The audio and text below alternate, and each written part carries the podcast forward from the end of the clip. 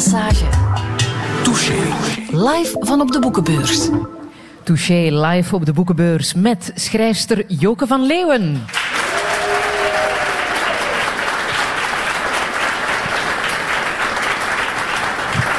Veertig jaar in het schrijversvak. Het lijkt wel het drukste jaar uit jouw schrijverscarrière. Kan dat kloppen, Joke?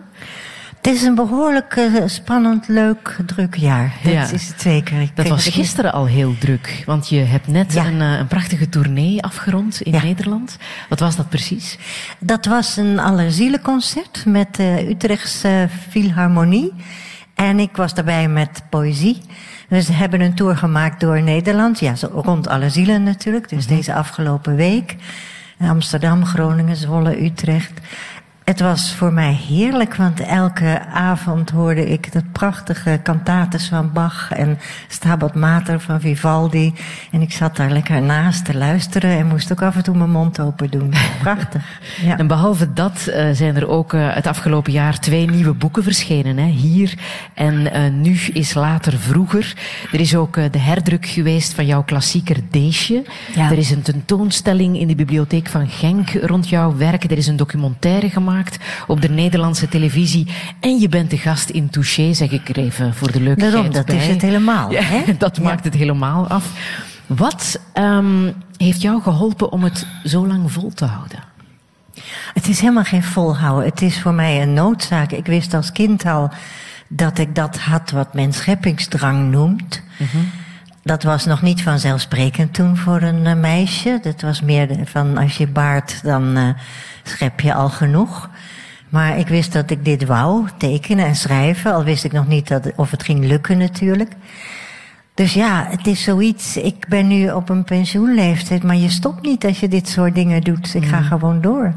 En als je dan merkt, ve- 40 jaar later, dat het is gelukt en hoe, hoe ja, voelt het? dat is heel fijn, want het lukte helemaal niet van de ene dag op de andere. Nee? Ik heb in, de, in het begin echt moeite eh, moeten nemen om een uitgever te vinden. Ik heb het eerst in Vlaanderen geprobeerd, maar niet het Vlaanderen van nu. Hè. Ik spreek dan nu over de jaren, begin jaren zeventig.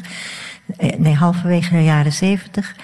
En daarna in Nederland. En in het begin ging het echt niet. En ik dacht, eh, nou ja, weet je wat, ik ga maar weer een andere studie doen. En dus ik ben geschiedenis gaan studeren in Brussel omdat het niet lukte met alles wat ik wilde. Maar ja, kijk, het is toch gelukt. Ja, en nu zit je hier. Ja. En eh, als ik kijk naar welke prijzen jij allemaal hebt eh, gewonnen, het zijn er te veel om op te noemen, heeft dat ook geholpen, jou, jou extra gestimuleerd? Nou, vooral in het begin, hè, want Ja. niemand weet dat je bezig bent. En als je dan een prijs krijgt en dus wat meer aandacht, dan weet men dat je bezig bent. En Ja. dat helpt wel, want het blijft tegelijkertijd, eh, tegelijkertijd ook dat waar ik van leef. Ja. Dus een winkeltje, zal ik maar zeggen. Ja. En die Dus een- vertalingen, die, die lijst is ook eh, Ja. bijna oneindig geworden. Ik ga heel diep ademhalen en ze even opnoemen. Engels, Frans, Duits, Spaans, Catalaans, Italiaans, Sloveens, Litouws, Russisch.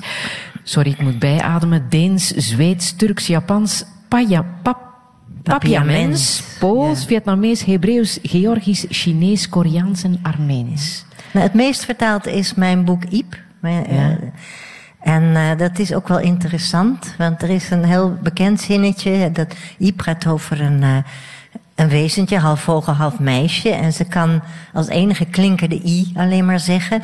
Dus ze zegt niet, ik moet een boterhammetje met pindakaas, maar ik moet een bieteriemetje met pindakies. En in de vertaling zie je dat het marmelade wordt. En in, in Italië wordt het Nutella. En nou ja, wat ze allemaal wil eten, dat verschilt nogal per land. Heb je dat overal ook mogen gaan uittesten in al die landen? Nee, eh, soms hoop je dat je uitgenodigd wordt in al die Korea landen. bijvoorbeeld. Nee, ik ben wel in, in eh, Japan uitgenodigd en andere plaatsen en Polen en noem maar op. Ja. Dat vind ik altijd heerlijk, ja. Ik eh, reis graag. Hoe zou jij jezelf omschrijven, Joke? Hoe ik mezelf zou omschrijven. Ehm, ik ben eh, aan de ene kant, eh, denk ik, eh, behoorlijk eigenzinnig. Als, als iedereen iets deed, deed ik het juist niet. Aan de andere kant ben ik, ehm, heb ik een introverte kant.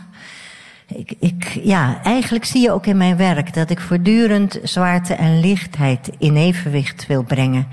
Humor is voor mij heel erg belangrijk.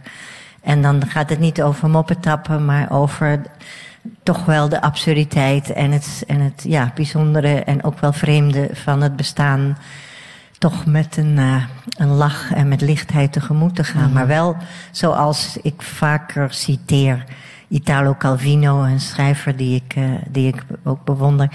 Um, nadenkende lichtheid. Dus daar zit een soort bodem van zwaarte, maar je brengt het met lichtheid. In het juryrapport van eh, de Constantijn Huygensprijs, die je ook hebt gewonnen voor je hele oeuvre, werd je omschreven als een unieke dubbelgangster, omdat je woord en vorm zo meesterlijk laat samenvallen. Een unieke dubbelgangster, dat ben je ook, hè? Ja, je bedoelt dat ik inderdaad met beeld en tekst bezig ben. Ik dacht altijd een dubbelgangster, dat is iemand die niet echt degene is die het is dubbelganger van Poetin of zo, weet je wel. Die lijkt op Poetin. Dat ben ik niet. Maar ik doe wel eh, een aantal dingen tegelijk, ja. Dat schrijven en dat tekenen. Dat hm. is wel, nou laat ik het zeggen, ik heb daar dus ook mooie prijzen voor gekregen. En, maar dat is voor veel mensen lastig. Ze willen je in een hokje stoppen en ik pas daar niet in. Ze denken, eh, dan krijg ik de ACO-prijs en dan zegt iemand, ja maar ze schrijft toch kinderboeken, dat soort dingen. Ja, zullen we het straks nog wel over hebben. Ook een mooie is, uh, Annie M. G. Schmidt stofte de verhalen af voor kinderen, maar Joke van Leeuwen stofte de taal af voor kinderen. Oh, wat mooi. Ja, ja, ja. nou bedankt. Ik gewoon nog even zeggen, daar hoef je zelfs niet eens iets op te zeggen. Maar 40 jaar schrijverschap, ja, dat moeten we vieren. En uh, dat doen we hier met live muziek van iemand die op zijn manier de taal afstoft. Dames en heren, Brihang.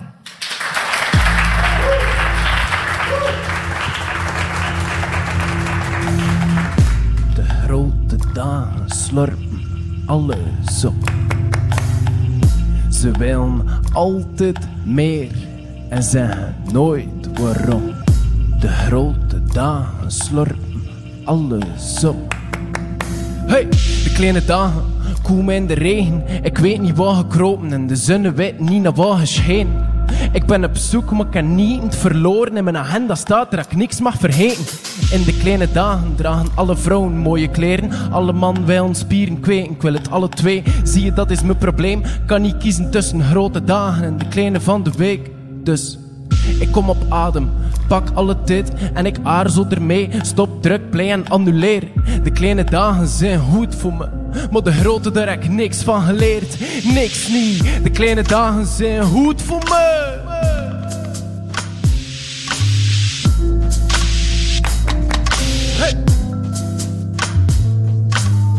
De kleine dagen zijn goed voor me. En de zon weet niet naar waar. Ik weet ik weet, ik weet niet waar gekropen. De grote dagen, ze geven je te veel.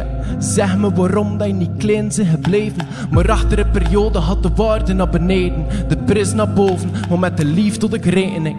En past op of ze prijzen je de hemel in. Dan dans je mee op de balans van het evenwicht. En als je valt is het van oog van te spelen op de rand. Bas Jan Ader. Er zijn kleine antwoorden voor de grote vragen. Soms drinken we water uit champagneglazen, dat weet ik. Ik ben vooral met mezelf eerlijk. Wie pakt de overname, het grote of het kleine?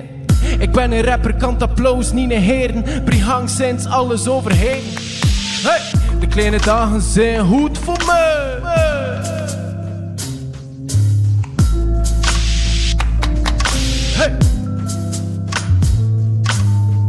Kleine dagen zijn goed voor me. En de zon weet niet naar waar scheen. Ik weet, ik weet, ik weet niet waar gekropen. De grote dagen slurpen alles op. Ze willen altijd meer en zijn nooit waarom. De grote dagen slurpen alles op.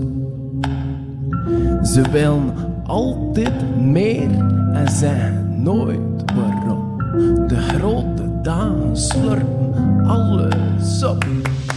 Hey, de kleine dagen zijn goed voor me.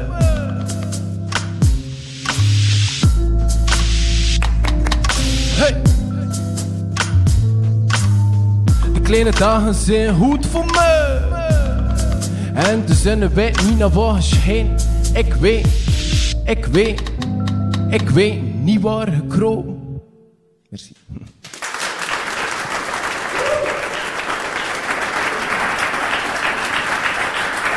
De kleine dagen volgens eh, Brihang hier live op de boekenbeurs. Radio 1. Touché. Live van op de boekenbeurs. Touché met Joke van Leeuwen, 40 jaar in het vak. Ik wil heel graag een fles cava voor jou opentrekken, maar ik moet ook deze microfoon vasthouden. Dus ik ga jou een vraag stellen en ondertussen doe ik dus deze fles moet open. Een, een lange antwoord geven of doe je dat heel snel? Zo lang als dat ik nodig heb om deze fles te openen voor jou.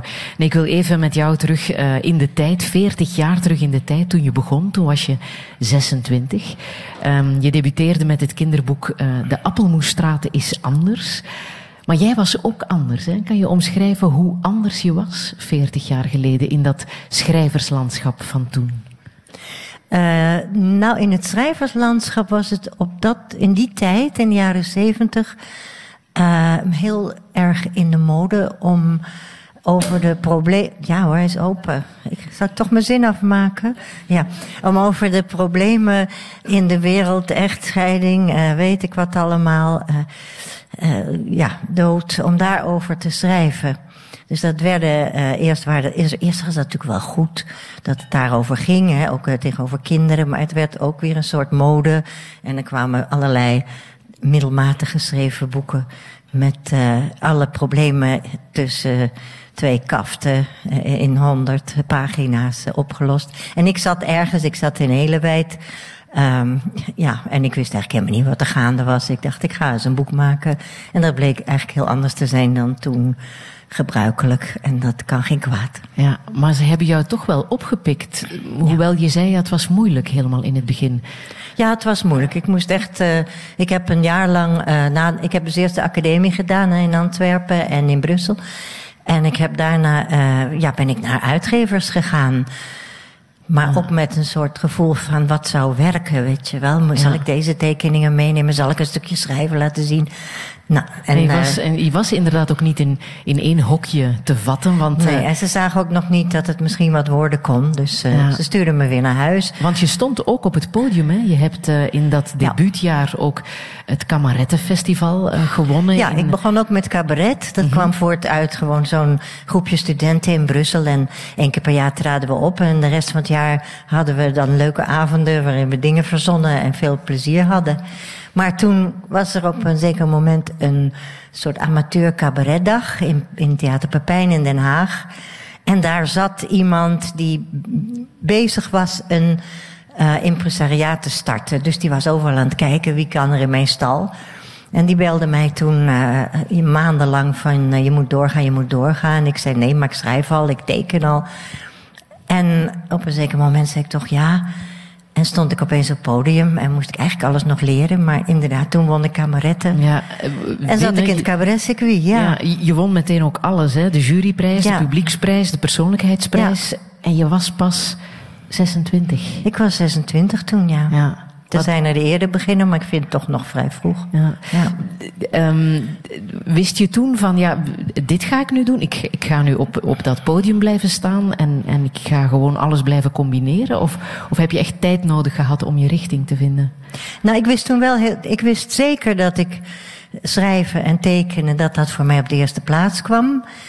Maar ik vond het wel heel mooi om ook rechtstreeks contact te hebben met mensen. En dat mm -hmm. heb je natuurlijk als je cabaret doet en je ziet of je humor overkomt of niet. En dat uh, vond ik wel een bijzonder goede ervaring. En het beste is dat ik het ook aldoende heb geleerd. In het begin ja, vond ik dat heel eng op het podium. En ik durfde nauwelijks mijn mond te houden. Want ik dacht, als ik mijn mond houd, dan loopt iedereen weg. En natuurlijk zaten er al meteen alle vriendinnen van mijn moeder in de zaal. Terwijl ik nog helemaal zover niet was. Maar uiteindelijk heb ik het zodanig geleerd in een vrij korte tijd. dat ik al in tientallen jaren ook werkelijk geen enkele zenuwachtigheid heb als ik het podium op moet. Mm -hmm. Integendeel. Maar je begon al meteen ook uh, met schrijven voor kinderen. Hoeveel kinderen waren er toen in jouw leven? Nou, helemaal geen kinderen. En hoe kwam dat dan? Dat, dat kwam eigenlijk gewoon omdat ik schreef en tekende. Ah. En ik had dus niet zo lang nagedacht. Ik dacht, nou ja, kinderboeken, daar staan tekeningen in. Laat ik dat eens proberen. En eigenlijk aldoende herontdekte ik weer wat een mooi genre dat is. Wat je daar veel, dat je daar zoveel mee kunt. Dat een goed kinderboek eigenlijk over de leeftijden heen gaat. Dat je daar als volwassene ook iets kan, in kan vinden. Wat maar goed is ook, want je leest voor. En waarom zou je allemaal van die flutboeken voorlezen? Je kan er als eh, volwassene ook plezier van hebben. Als je nu terugkijkt op al die boeken die je hebt gemaakt, waar ben je zelf in alle bescheidenheid het meeste trots op? Nou ja, ik ben inderdaad in grote bescheidenheid eh, als deugd eh, opgevoed. dat is nog steeds niet helemaal over, maar laat ik zeggen welke uh, boeken dicht bij mijn hart liggen. De, wat de kinderboeken betreft, Iep, om te beginnen. Wat eigenlijk een boek is over loslaten. En wat ik ook geschreven heb in een tijd dat ik moest loslaten. En ik dacht, kijk eens aan, iets wat moeilijk is, dan kan je dus omvormen tot een boek dat mensen graag lezen en waar je ook nog om kan lachen. Uh, wat moest je zelf loslaten op dat moment? Dat was in mijn relationele leven, ja. -huh. En het andere boek was, um, of is, toen mijn vader een struik werd. Um, dat gaat over een meisje. De meisje vertelt hoe ze moet vluchten naar het buurland. En ja, ik kom zelf uit een gezin. Mijn ouders, mijn grootouders, ze hebben altijd met vluchtelingen te maken gehad. Hè. Mijn, mijn, mijn, even kijken hoe het zit. Ja, de moeder van mijn vader, bijvoorbeeld, die woonde in het zuiden van Nederland. Toen, toen de Belgen moesten vluchten in de Grote Oorlog. En zij maakte soep voor hen. Uh, protestantse soep, maar die was heel lekker. Dus ze vonden het niet erg dat het protestantse soep was en geen katholieke soep. Mijn, mijn grootvader, dus de vader van mijn moeder, die heeft veel met Russische vluchtelingen te maken gehad. En na de revolutie van 1917. Mijn ouders begonnen hun, uh, hun witte broodsweken. Uh, ja, en toen eigenlijk de Tweede Wereldoorlog begon. Ze zaten in het noorden van Nederland en er kwamen allerlei mensen uit het westen, dus dat was bepaald niet romantisch. Ik zelf heb met, met mijn toenmalige man uh, en uh, Bosnische gezin in huis gehad in de jaren negentig, wat erg leerzaam is, ook in die zin dat je bijvoorbeeld ziet hoe, hè, we hadden het over taal, hoe je vanuit een Slavische taal Nederlands uh, leert en wat de moeilijkheden zijn. Mm -hmm. Bijvoorbeeld dat wij werkwoorden hebben die gaan wandelen. Voorlezen, ik lees voor, ik heb voorgelezen. Ja, waarom? Waarom is het niet ik voorlees? Dat is toch veel makkelijker. En het moeilijkste vonden ze om uit te spreken. En dat is in Vlaanderen dus ook niet zo'n probleem, want wij zeggen hier meestal proficiat. Maar dan zeggen ze in Holland hartelijk gefeliciteerd. Ja. En dan konden ze nauwelijks uit hun mond krijgen, dus dan zeiden ze hartelijk elektriciteit. Overigens ze, ze luisterden altijd naar de Vlaamse televisie en radio. Ze ja? zeiden, dat vinden we mooier klinken en we verstaan het beter. Dus okay. uh, het is maar dat je het weet. Ja. maar uh, uh, dat, dat zijn nu die twee boeken die jou het. Uh, ja, van de kinderboeken aan... zijn dat. Ja, goed hè, je komt weer terug op wat eigenlijk de vraag was. Ja, want ja en maar ook hier hoor, dat, hier is eigenlijk ook wel dicht bij mij. Dat, mijn laatste, het laatste roman. boek. Ja. ja. Waarom? Zoveel, zoveel ja, het, het, het vreemde is als je zo'n boek schrijft, zo'n zo roman, en je bent erover aan nadenken, dan zijn er allerlei stukjes werkelijkheid die opeens weer in je opkomen en een plek vinden in zo'n verhaal. Niet letterlijk, maar wel uh, omgevormd tot, dat, tot de manier dat ze in het verhaal passen. Om iets heel simpels als voorbeeld te geven. Uh, tot mijn achtste woonde ik in Amsterdam. En op, op school moesten wij de Nederlandse vlag breien. Ongeveer een stok zo groot. Ik kon ook helemaal niet breien. Bovendien ben ik links, dus die juf deed het altijd verkeerd voor. Maar, dus die, die stok moest je helemaal ombreien. En dan moest je zo'n Nederlandse vlag breien. Van, van harde cartoon waarschijnlijk, weet je wel, dat stugge. En het wapperde voor geen meter. En dat, en dat beeld kwam opeens weer in mij op. En op een andere manier vind je zoiets dan weer terug. Als de, van, bij dat kind, hè? het zijn drie ja. generaties, dus bij dat kind vind je dat dan weer terug. Gebruik je dat terug in het En dan gebruik ik een andere manier. Of, of ja. ik, ik moest iets in Wallonië doen. Ik, ik dacht, ik ga in Hoegaarden even wat eten. Hè? Dat is vlakbij de taalgrens. Daar staat dan zo'n groot bord op een plein met fietsroutes. Maar je bent verplicht naar het noorden te gaan. Want al die leuke fietsroutes over de taalgrens zijn of onleesbaar of staan er niet op. de- dat ik denk, ja, die vogels fluiten toch eh, in Wallonië ook heel leuk. Ja.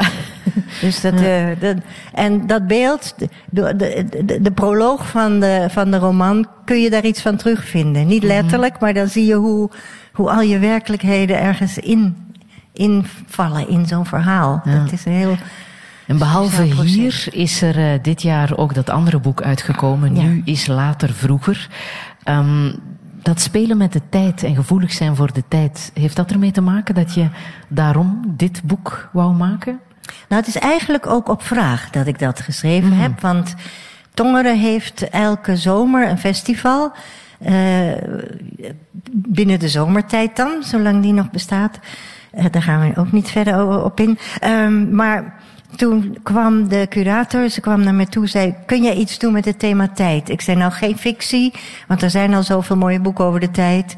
Maar ik wil wel zo'n boek maken, zo'n non-fictieboek, zoals ik al eerder gemaakt heb over de Nederlandse taal en over Ja. kijken, maar dan over de tijd. En dan vanaf een jaar of tien, elf, twaalf, de, ene, de, de ene tienjarige is de andere niet.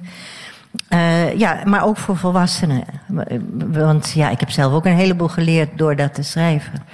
Eén hoofdstukje eh, gaat onder andere over eh, ons geheugen hè, en, het- Ja. en hoe rommelig dat is. Misschien moet je het even nemen en een stukje uit voorlezen. Ehm, ter illustratie hoe rommelig dat, dat geheugen Ja, nou het is dus eigenlijk... eh, elk hoofdstuk gaat over een ander aspect van de tijd. En dat is van alles, hè. Hoe klokken begonnen zijn, tot, met, tot en met je geheugen. En dat wij nu de tijd zo vreselijk indelen en allemaal dat soort dingen. En elk hoofdstukje begint met iets persoonlijks. Eh, en dan gaat het over, ja, dan, wordt het breder. En dit is, eh, heb je uitgekozen, ja, en dat is heel, heel persoonlijk. Ja, Sommige dingen vergeet je niet. Dit gaat dus over het geheugen straks. Ik was net veertien en zat op een Vlaamse school, want we waren van een Nederlands dorp naar Brussel verhuisd. Ik was verlegen en onzeker, want ik moest nog erg wennen aan alles wat opeens anders was. Op een dag had ik mijn huiswerk niet goed gemaakt, omdat ik niet had begrepen wat ik had moeten doen.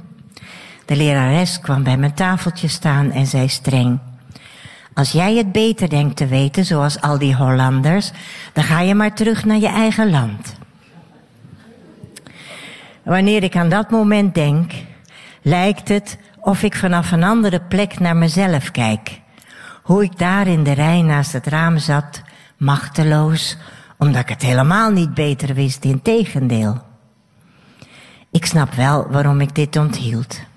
Het was voor mij nieuw om op één hoop te worden gegooid met alle inwoners van een land. En een vooroordeel als een etiket op me geplakt te krijgen. Later gebeurde dat wel vaker, maar toen was ik eraan gewend. En voelde ik me ook meer en meer bij België horen.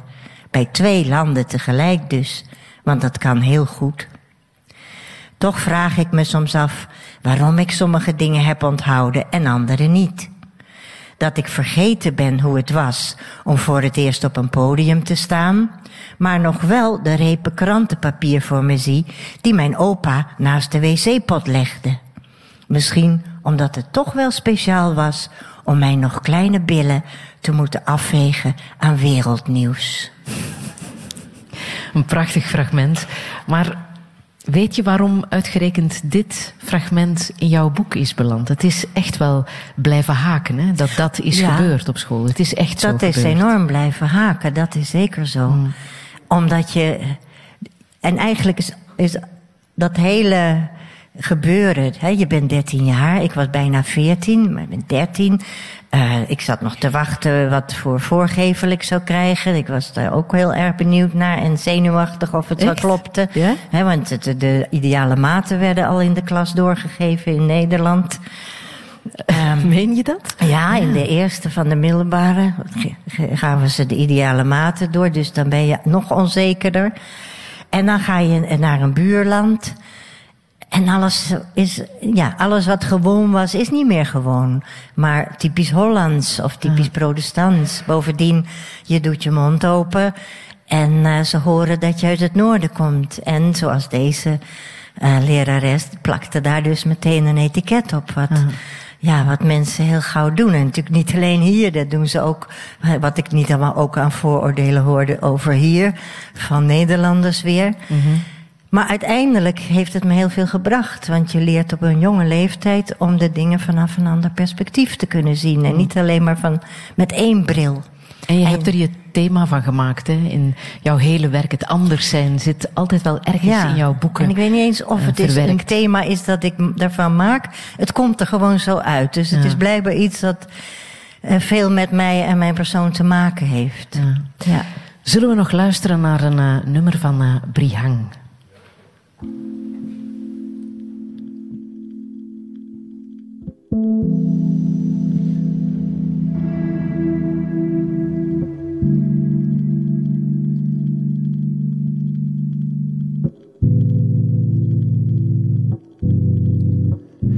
ben de twijfel in je stem en ik ha je keel. Ik leef in de verbeelding tussen de woorden dat je spreekt. Ik adem met je mee, maar ik weet nooit zeker dat ik er ben of laat staan er ben geweest. Ik ben onzichtbaar. Soms ben ik te vatten, maar niet in één blik. Ik bedoel, er zijn meerdere perspectieven voor een ding, gelijk ik. En mijn vorm is ondergeschikt aan mijn idee. Ik ben, hoe zou ik zeggen, redelijk gesofisticeerd. Ik ben hier al lang, al zo lang. Al mijn hoeken zijn ervan, heb nog altijd niet gevangen. Ik ben hier al lang, al zo lang. Al mijn hoeken zijn ervan, heb nog altijd niet gevangen. En ik ben hier al zo lang. Ik ben de. En de. Ik ben al en versleten. Ik ben het moment tussen. Ik weet het en eh, ik ben het weer vergeten. Ik ben nooit zeker, nee. Verdwaald in mijn betekenis. En is het dan erg dat ik niet weet wat ik ben? Ik denk en ik bedacht me. Ik zie en ik zag de dit in haar ogen als ze lachte. Weet je nog toen dat we zo jong waren, zonder grenzen, lanterfanter. We spelen een spel van klein naar groot, volg de regels. Valspelers, ze verliezen altijd. En ik ben hier al lang, al zo lang. Al mijn hoeken zijn ervan, heb nog altijd niet gevangen. Ik ben hier al lang, al zo lang.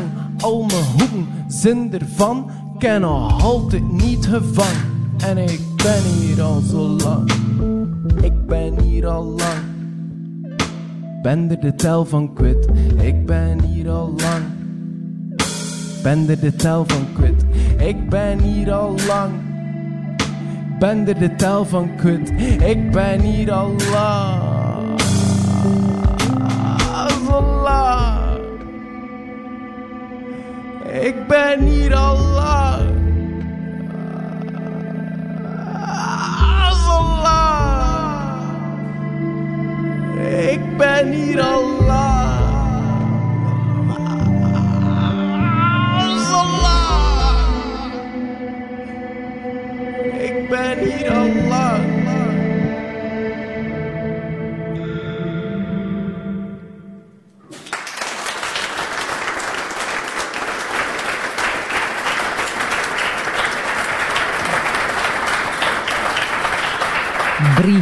Samen met eh, DJ Olivier van Lijnzelen. Ik ben hier al lang, oh zo lang.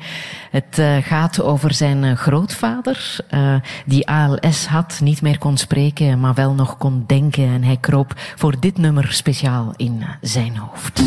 Touché. Live van op de boekenbeurs. Met Joke van Leeuwen, die 40 jaar in het schrijversvak zit. In iemands hoofd kruipen, dat doe jij ook vaak, hè?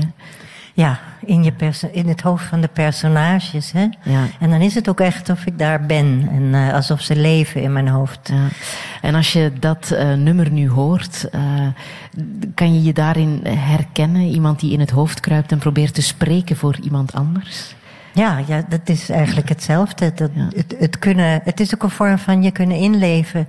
Daarom denk ik ook dat het een van de mooie dingen van lezen is, hè, of van fictie bijvoorbeeld, dat je je kunt inleven in heel andere hoofden, in heel andere eh, mensen. Ja. En Jouw dat grootouders bijvoorbeeld, wie, Ja. wie waren dat?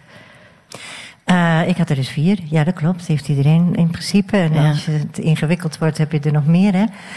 Ehm, mijn eh, grootouders van mijn moeders kant, mijn grootvader, die had heel graag apotheker willen worden.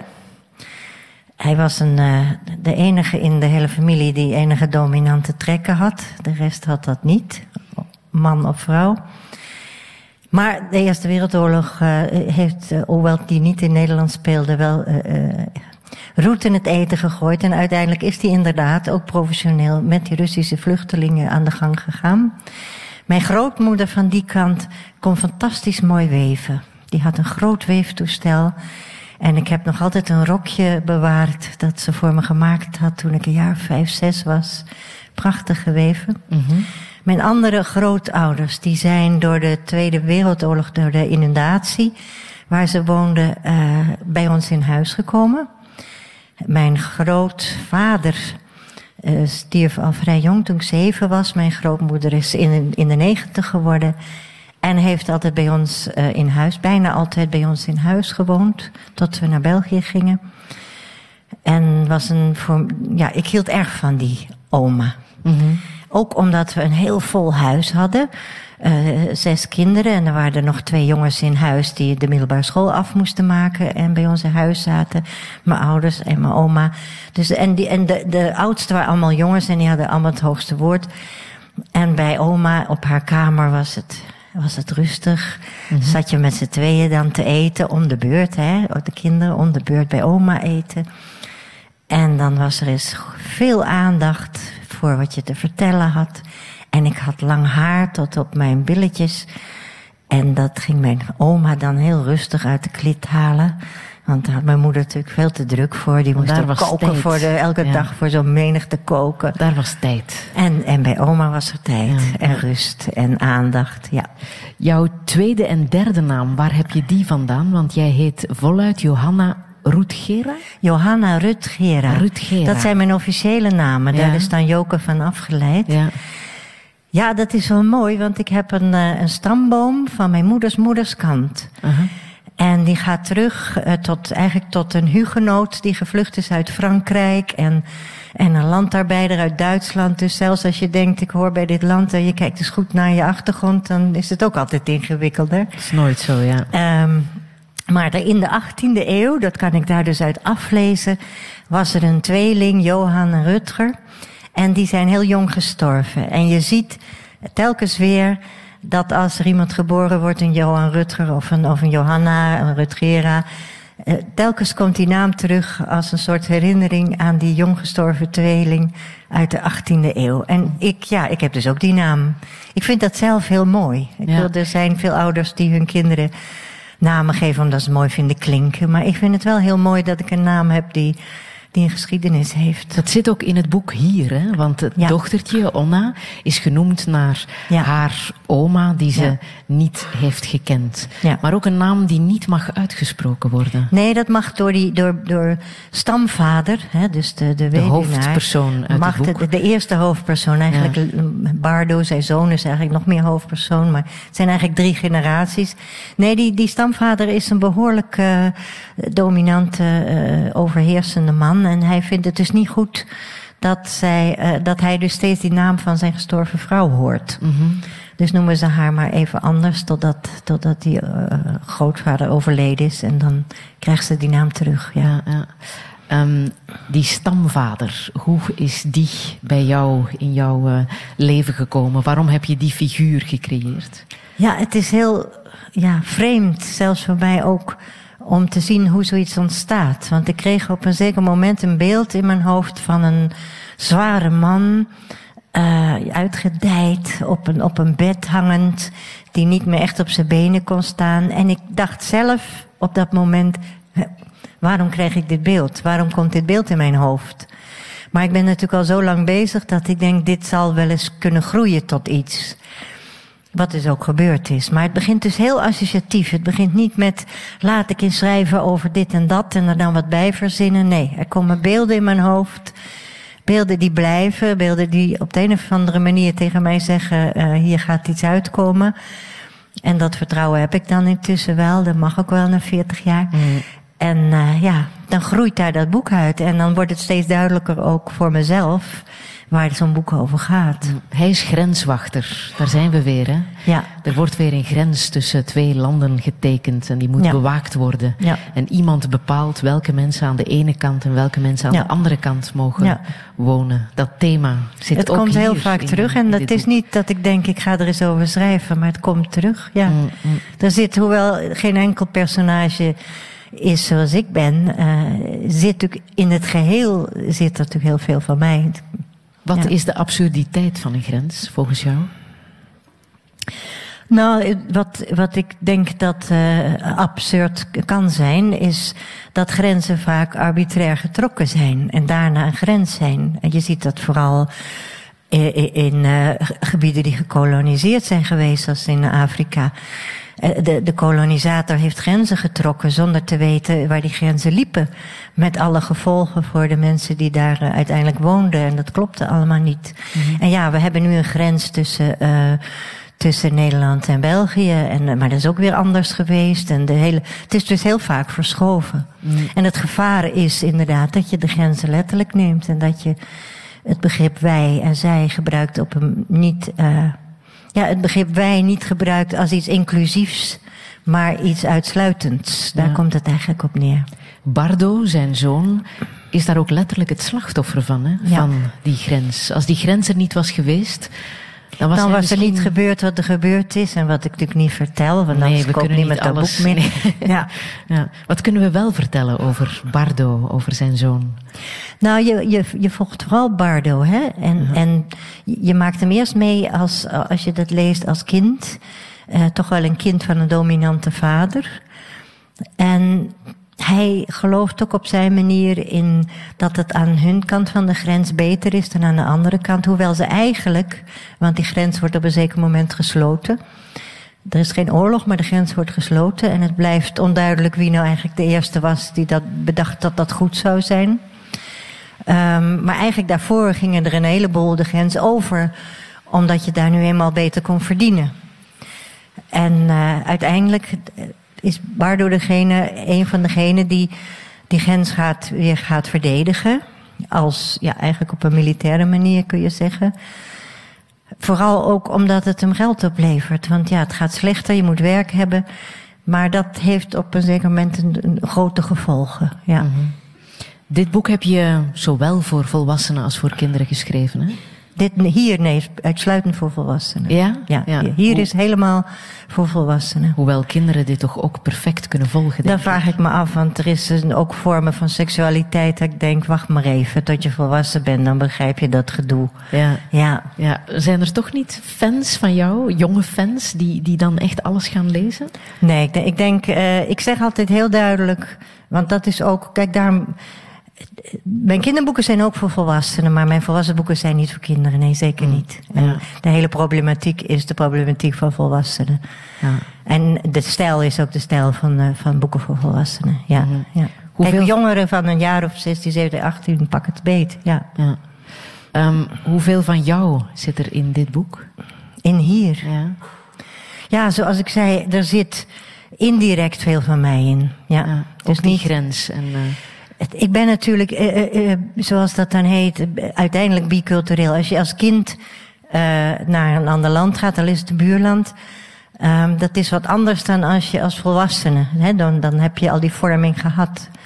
Ik ben, ja, ik heb, ben dus eerst ja, vanuit een Nederlands nest opgegroeid. En toen kwam ik op een Vlaamse school in Brussel. hoe kwam je hier terecht? Ik kwam hier terecht eh, met het gezin natuurlijk, want mijn vader was een eh, protestantse theoloog. eh, heel ruimdenkend zeg ik er meteen bij, want je hebt ook heel erg strenge protestanten. En in Brussel is er nog steeds een protestantse theologische faculteit op universitair niveau. En ze zochten een hoogleraar. En ja, er, zijn, er waren in die tijd zeker, want nu spreek ik over de tweede helft van de jaren zestig, eh, waren er ehm, natuurlijk heel weinig protestanten. En heel erg veel katholieken. Dus ja, ze moesten een protestant importeren. Dat was het eigenlijk. Ja, en toen kwam het hele gezin met de En toen kwam natuurlijk het hele gezin mee. deze Ja. kant uit. De twee oudsten waren al op studieleeftijd. Maar, Ja. ja. Hoe ehm, aanwezig was, was eh, de godsfiguur, was, was geloof bij jullie thuis? Dat was eh, zeer zeker niet eh, d- dominant in de zin van dat je dat, je dat daarvan moet bevrijden of zo. Het, het hele, het, ik denk dat het godsbegrip voor mijn ouders meer zoiets was als een overkant in hun denken. Een overkant Ja, in hun denken. een manier van denken, een soort overkant in hun denken. En ik ben nooit vergeten, en ik vertel dat eh, nog wel eens, omdat het, voor, het heeft mij, op mij toen een enorme indruk gemaakt. Dat was dus begin jaren zestig. Ik was dus een jaar of elf of zo. En ehm eh, toen vertelde hij inderdaad een verhaal. Een verhaaltje dat hij ergens gehoord had. En, en dat was natuurlijk de tijd dat, dat er nog apartheid was in Zuid-Afrika. Dat de tweede feministische golf er nog niet was geweest. En dat verhaaltje was eigenlijk dat iemand aan een geestelijke vroeg... Nou, je hebt er zo lang voor gestudeerd. Vertel eens, hoe ziet God eruit? En dat het antwoord was, zij is zwart. Dus als, da, als je natuurlijk op zo'n manier eh, iets van dat eh, geloof eh, eh, ehm, ingelepeld krijgt, nou ja, niet eens zo, zo zwaar ingelepeld, daar hoef je niet met heel veel gedoe je van te bevrijden. Dan, Had daar als pik kind je uit. een, een, een beeld van, van wie God nee, dat bleef, dat bleef dus een soort begrip. Mhm. Zoals liefde een begrip is. Ja, ja. Werd de Bijbel gelezen? Ja, dat wel natuurlijk. Het is, ja, protestanten lezen de grondtekst elke dag eigenlijk, na het e- warme eten. Een stukje uit de Bijbel. En samen een gezang zingen met mijn moeder aan de piano. Wat ik eigenlijk ook heel gezellig vond natuurlijk. Ja. En het was ook, ja, het was een ritueel natuurlijk. Maar als er iets misging, als iemand zich versprak bij het voorlezen... dan lagen we echt wel onder de tafel van het lachen. Dus het, is allemaal, het was allemaal niet... eh, ja, het was allemaal niet iets eh, waar je benauwd van kreeg. Hoeveel creativiteit was er bij jullie thuis?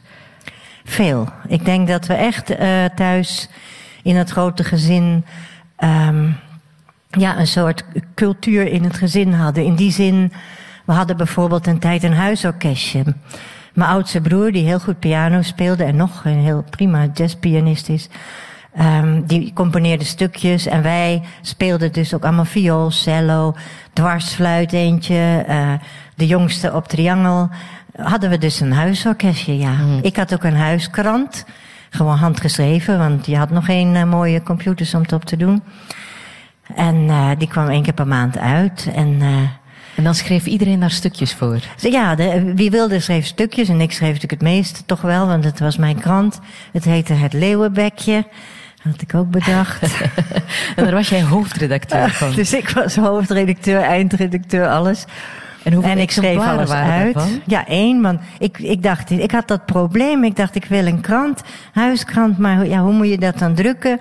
En toen zei mijn moeder, dat hoeft niet, want eh, de gewone krant komt er ook maar eentje bij ons thuis. Dus je hoeft er maar eentje te maken. En als die dan uitkwam, eh, gewoon handgeschreven in een schriftje. En dan kreeg mijn moeder dat altijd als eerste. En dan stond ik achter de deur te luisteren of ze misschien een keer in de lach schoot van wat erin stond. En als ze dan een keer in de lach schoot, was ik helemaal gelukkig. Dan dacht ik, ah, je kunt dus dingen opschrijven waar anderen zomaar van in de lach schieten. Heerlijk. Heb je daar nog exemplaren van? Ja, ik heb ze bewaard. Ja, ik heb ze nog ergens. Ja, Ja, hilarisch waarschijnlijk. Om dat ja ook hilarisch, omdat er allemaal uitspraken in staan ook van Ja? de- deze en gene. Ja, dat die je nog grappig. weet? Nou, ik weet ze niet meer helemaal uit mijn hoofd. Maar eh, het is heel grappig als je die nog eens leest. Ja. Ja. Zullen we nog luisteren naar een nummer van uh, Brian? Kriebel, krabbel, niet zomaar. Pees na over de zin ervan. Komma, binnen in mijn hoofd. En kijk door mijn ogen, ik zie het zo. Peest, ah, dat kan ik ook. De kunst is niet goedkoop, super duur. Dus euro voor een uur, zie je niet goed. In je kop of zo, een rappertje van dat niveau. Yes van knokken heist en kreeg er alles van zijn pa cadeau. Uh-huh, eh, zeg nog een keer, ik was afgeleid. Ik heb niet echt gehoord wat je zei. Het was waarschijnlijk ook niet echt belangrijk. En hij over hedendaagse kunst. Amai, dat is mislukt. Maar de kunst is expres per ongeluk. Het is de leer van het geduld. Het glas tot aan de rand gevuld. De koffiekring op de krant. De stem die uit je kelen brult. Het is de bult als je tegen de lamp loopt. Maar morsen is pas morsen als je het afdroogt.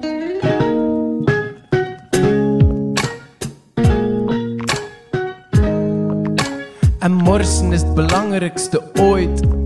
Ik wil niet dat je gevoelloos al mijn kleren in de was gooit.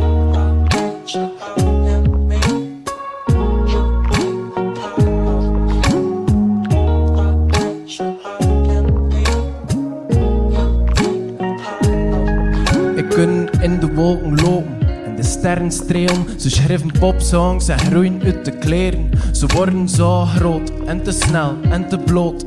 En hij peest, ze vliegen te hoog, maar ze vallen ooit wel naar beneden. Op het brakkeland is de klant de koning en de koning is de baas. Zo abstract, zo speciaal en zo artistiek. En hij peest, ja, allee, Brihang hier in het touché, dat is wel chic. Allee, ik bedoel, eh, het heeft wel iets. Cultuurmusea elke week. Ja, chapeau amai. Alles voor de kunst of meer. Concert, theater en toneel. Gratis of hoeveel? Ah, oké. Het is mijn inkom of wat? Voor wie? Brihang. Eh, nee. Nee. Nee, nee, nee, nee, nee. nee.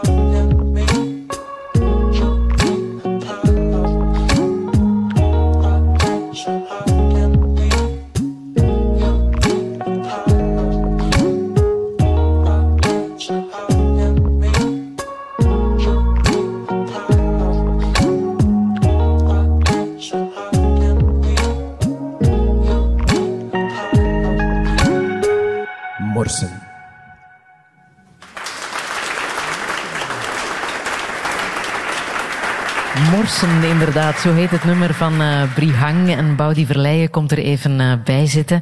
Ehm, hedendaagse kunst, amai, dat is mislukt. Dat is een zinnetje dat ik niet zo licht zal vergeten. Het eh, zou in het huiskrantje van Joke van Leeuwen kunnen komen, denk ik. Ehm, wat heb jij met hedendaagse kunst? Ehm, ik, ik heb zelf beeldhouwkunst gestudeerd in, in Gent. En ehm, dat, dat nummer was eigenlijk, de aanleiding van dit nummer was zo, ehm, dat ik iets morste per ongeluk. Dus je, je morst zoiets. En dan de- denk je, nou ja, morsen, dat is eigenlijk altijd per ongeluk, want als, als, als je morst, als- anders is het gewoon gieten, gieten doe je of niet smeren. Ja, voilà. Ja. En dan dacht ik, eigenlijk is dat een beetje zoals, zoals eh, kunst. Ehm, je hebt dan zo mensen die, die zeggen van, oh, dat schilderij, ja, oh, dat is gewoon, dat, dat, kan, ik, dat kan ik ook, eh, een beetje morsen. Maar nee, nee, want het is niet gemorst, het is expres, allee, het is per onge- het is zo die, die lijn van, van ehm, wanneer is iets expres of per ongeluk. Ja, ja. Joke van Leeuwen, je hebt hem nu al een paar nummers horen zingen. Wat denk je? Begrijp je hem een beetje? Want hij Ja, ja, klinkt ja. anders, hè? Nee, ja, dat is toch West-Vlaams of niet? Of- Ja, dat is West-Vlaams. Dat is West-Vlaams. Ja. het is dat de geschiedenis zo gelopen is, anders was het West-Vlaams misschien wel het algemeen Nederlands geworden. Goh. Per slot in de middeleeuwen was, was Vlaanderen enorm bloeiend en Amsterdam nog een modderig stadje, toch? Mhm. Ja, en dan sprak de hele wereld misschien wel West-Vlaams. Dan was dat het Nederlands, ja. Brihang, dan was jij wereldberoemd nu. Ja, dat is zo wel... eh, Nog meer spanning op je schouders. Ja, Want eh, hoe zit het? Je bent aan het werken aan een, een tweede plaat. Niet makkelijk, ja. hè? Ehm, het tweede, ik noem dat tweede, tweede plaatsyndroom of zo. Ja? Dat, het is ehm, moeilijk, omdat, zoals dat je vertelde, dat dat in het begin moeilijk is. En bij mij was dat ook een moeilijk proces. En dan breng je zo die plaat uit en dan ehm, wordt dat goed onthaald. En, en dan, ja, wauw, eh, tof. Eh, Fantastisch, die Brihang. ja. Ja. en dan moet je zo daar een vervolg op schrijven. En dan voel je toch dat er veel meer ogen op gericht zijn. En dat, het, is, het is een andere, het is, het is anders. Ja. Joke, jij met al je ervaring, welke advies kan je geven aan eh Boudi? Nu hij zijn debuut heeft afgeleverd en daar zoveel succes mee heeft gehad, nu moet hij verder. Nog veertig jaar op zijn minst. Ja, gewoon doorgaan. En eh, wat ik ook wil zeggen, dat doen wat je wil doen. Ook als het misschien niet in de lijn is van wat mensen verwachten. Misschien juist, hè, artistiek is het interessant. commercieel is het interessant om allemaal hetzelfde te blijven doen. Dan weten ze wat ze verwachten kunnen. Maar artistiek is natuurlijk veel interessanter om te denken: oh, wat kan ik nu nog doen? Ja. En dat dan ook te doen. En daar heb jij nog meer tijd voor, denk ik, dan ik nog heb. lees jij veel, Baudi? Ik ehm, lees niet veel. En er is een reden voor. ik heb dyslexie. Dus ehm, ik lees niet veel, maar ik ben wel bezig met taal. En ehm, ik heb eigenlijk het, het, eh, het spel of zo, zo. Lezen is leuk, heb ik gevonden in de poëzie. Dat, dat vond ik veel toffer dan zo. We moesten dan zo voor school eh, romans lezen en daar een boekbeschrijving over doen. Of, En ik kon dat niet, ja. Zo'n boek uitlezen, dat, dat boeide mij niet. Ik kon, ik kon dat niet vasthouden, dat verhaal, om, omdat dat veel te veel letters waren. En ja, ik kon me daar niet, niets bij voelen. Dus tot, tot het moment dat dat, dat, dat ook, en totdat ik in de kunstschool kwam, en toen mocht dat ook over een, een gedicht zijn. En dan eh, is, zijn mijn ogen open gegaan en oh, dat, dat is eigenlijk superleuk. Dat is niet lang, maar dat vertelt wel heel veel en ah, dat is een tof spel of zo. En, en, ja. Je knikt, Joke. Dat herken je, dat voor sommige Ja, mensen en dat ligt poëzie... ook heel dicht bij liedteksten. Of, Ja. of eh, Ja. ook, ook de soort die hij maakt. Of zingt. Mag je eens teksten van jou gebruiken? Als hij zou willen. Ja, ik dring het niet op hoor. maar er zijn er wel die, die je toch in zo'n ritme kan Ja, ja. brengen hoor. Ja? Is inderdaad, Ja. ja, oké. Heb je dat zelf al geprobeerd met je eigen teksten? Ja, ik heb een keer ehm, ook zo'n heerlijke avond gehad met Brussels Jazz Orchestra. En eh, toen heb ik ook een tekst gemaakt. Het ging allemaal eigenlijk. eh, ehm, oh, nou ontschiet me een naam. Dat gebeurt vaker als je boven de 60 bent. Ehm, nou ja, dat doet er dan even niet toe.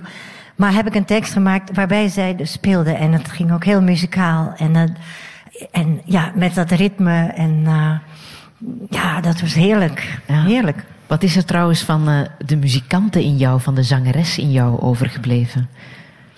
Eh, ik, eh, nou, ik heb een beetje voor mijn eigen gevoel het verkeerde instrument gekozen als kind. Hoezo? Viool. Eh, dat is een prachtig instrument, maar niet echt nadat ik het zeven jaar had geprobeerd. En ehm, ik had liever piano gehad, omdat je dat ook beter alleen kan doen, ook samen met. maar ik heb nog wel een muzikaal gevoel, denk ik. Daarom vind ik dit soort dingen ook allemaal leuk. Eh, en zingen doe ik ook graag. Ja, En verzamel, je nog, verzamel je nog fluitjes? Ik heb een wand vol met fluitjes. Als ik ergens ben, dan, of fluiten zelfs. Ja, als ik ergens ben, dan kijk ik, hebben ze daar in dit land een eh, bijzondere fluit. En, En wat dan- voor fluitjes eh, zijn dat dan? Oh, is dwarsfluiten, fluiten die gemaakt zijn van, van, van vruchten of weet ik wat. eh, vogelfluiten, ook van die mooie houten vogelfluitjes. Aha. Een wand vol, en ze zien er vaak mooi uit ook. Ja. Ja. Niet dat ik, er is, ik heb ook een fluit die is gemaakt van een, van een bot. En alleen als ik ongelooflijk eh, blaas, zodat ik echt bijna knap, dan komt er een zoiets uit. En ik denk dat er anderen zijn die er wel muziek van kan, mee kunnen maken. Heb jij een verzameling, Paudi? Ehm, voor, op dit moment heb ik geen verzameling, maar ehm, ik ben wel geïnteresseerd. Allee, mijn- In mijn tweede plaat ben ik bezig over ruimtes en over, over eh, gebouwen en, en je in zo'n gebouw thuis voelen en zo. Dus ik heb nu een beetje een obsessie met stenen. Bakstenen. ja. Ja. Ben, ja. Waarom niet, hè? Ja, dat zijn eigenlijk Verzamel mooie, mooie dingen. Wel, Ik, ik heb er nu een paar inderdaad. Ik ben ook van plan om zelf een steen te maken. Ja, Oké. Ja. Als beeldhouwer weet je ongeveer hoe dat moet, denk Vo- ik. ja voilà, ik vind dat interessant. Ja, ja. Eh, Joke, je hebt ook een onthouden boekje waar je alles opschrijft wat je echt mooi vindt, wat je moet onthouden, denk ik. Ja, dan. ja, als ik iets echt heel mooi vind, dan schrijf ik dat op. ja. En Ehm, daarin staat volgens mij ook Erbarme dich van Bach. Iets wat Ja, je nooit mag vergeten. Ja. Ja. Ja, het is fantastisch. En, en ik heb ook een lang gedicht gemaakt. Het laatste gedicht van mijn laatste dichtbundel. Het moet nog ergens liggen. Dat heet ook Erbarme. Dus ik ben Mhm. Ja. geïnspireerd door Wat heb je met deze muziek? Ja, het is zo... eh, zo de, de tijd verdwijnt eigenlijk in die muziek. Je bent, Mhm. en, en ook de plaats. Het is iets universeels in jezelf. Ja, laten we luisteren.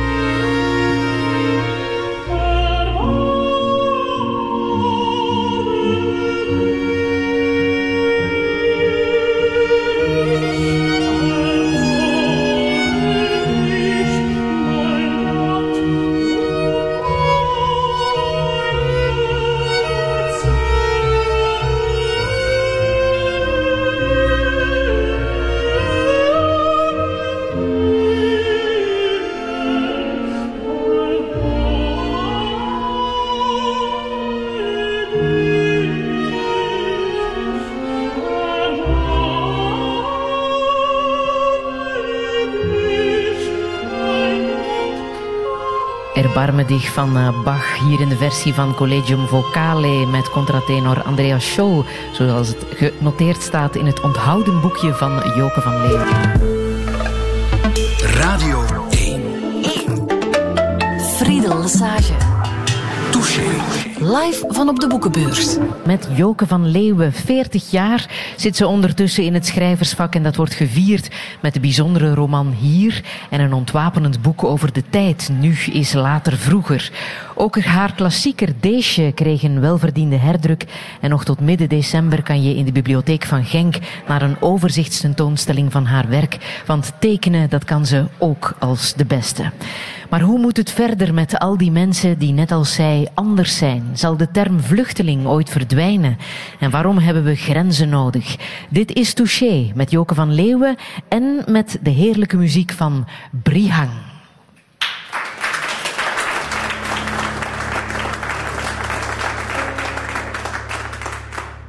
Het is hier niet warm in de winter.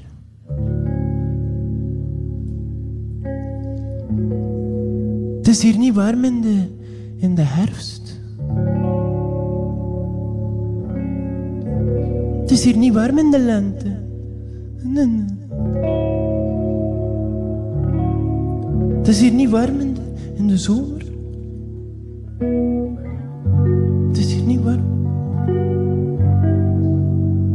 Het is hier niet warm.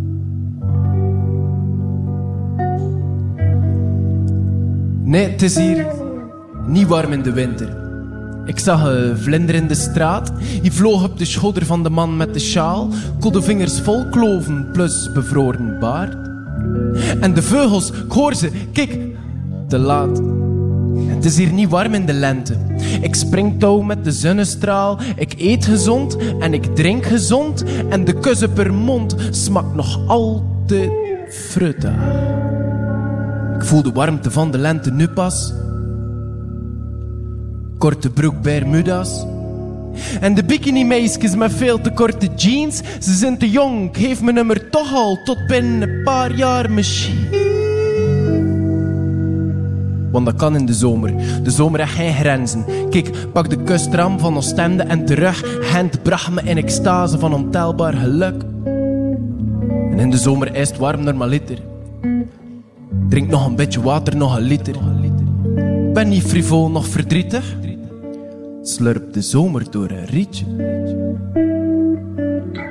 En in de zomer is het warm normaliter. Drink nog een beetje water, nog een liter.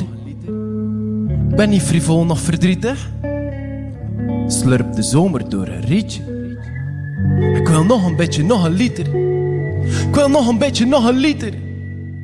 Ik wil nog een beetje, nog een liter. Om van de zomer te genieten. Ik sla een deken over mijn woorden, want door kodder op de avond en het kampvuur dooft. Ik sprokkel mezelf uit de slaap. En het is hier niet warm s'nachts in Vlaanderen. Maak een bed van gevallen bladeren en de wind waait, dan hoor je de herfst naderen. En in de herfst wil ik tussen de regen door wachten op de winter. Ik wil van alles, ik wil gerust nog een paar nachten wakker liggen. Lakens van flanel, we zijn het toch al december voorbij de midden. En ik hoor de mensen nou weer klagen. Het is hier niet warm in de winter. Wat bluft dan binnen?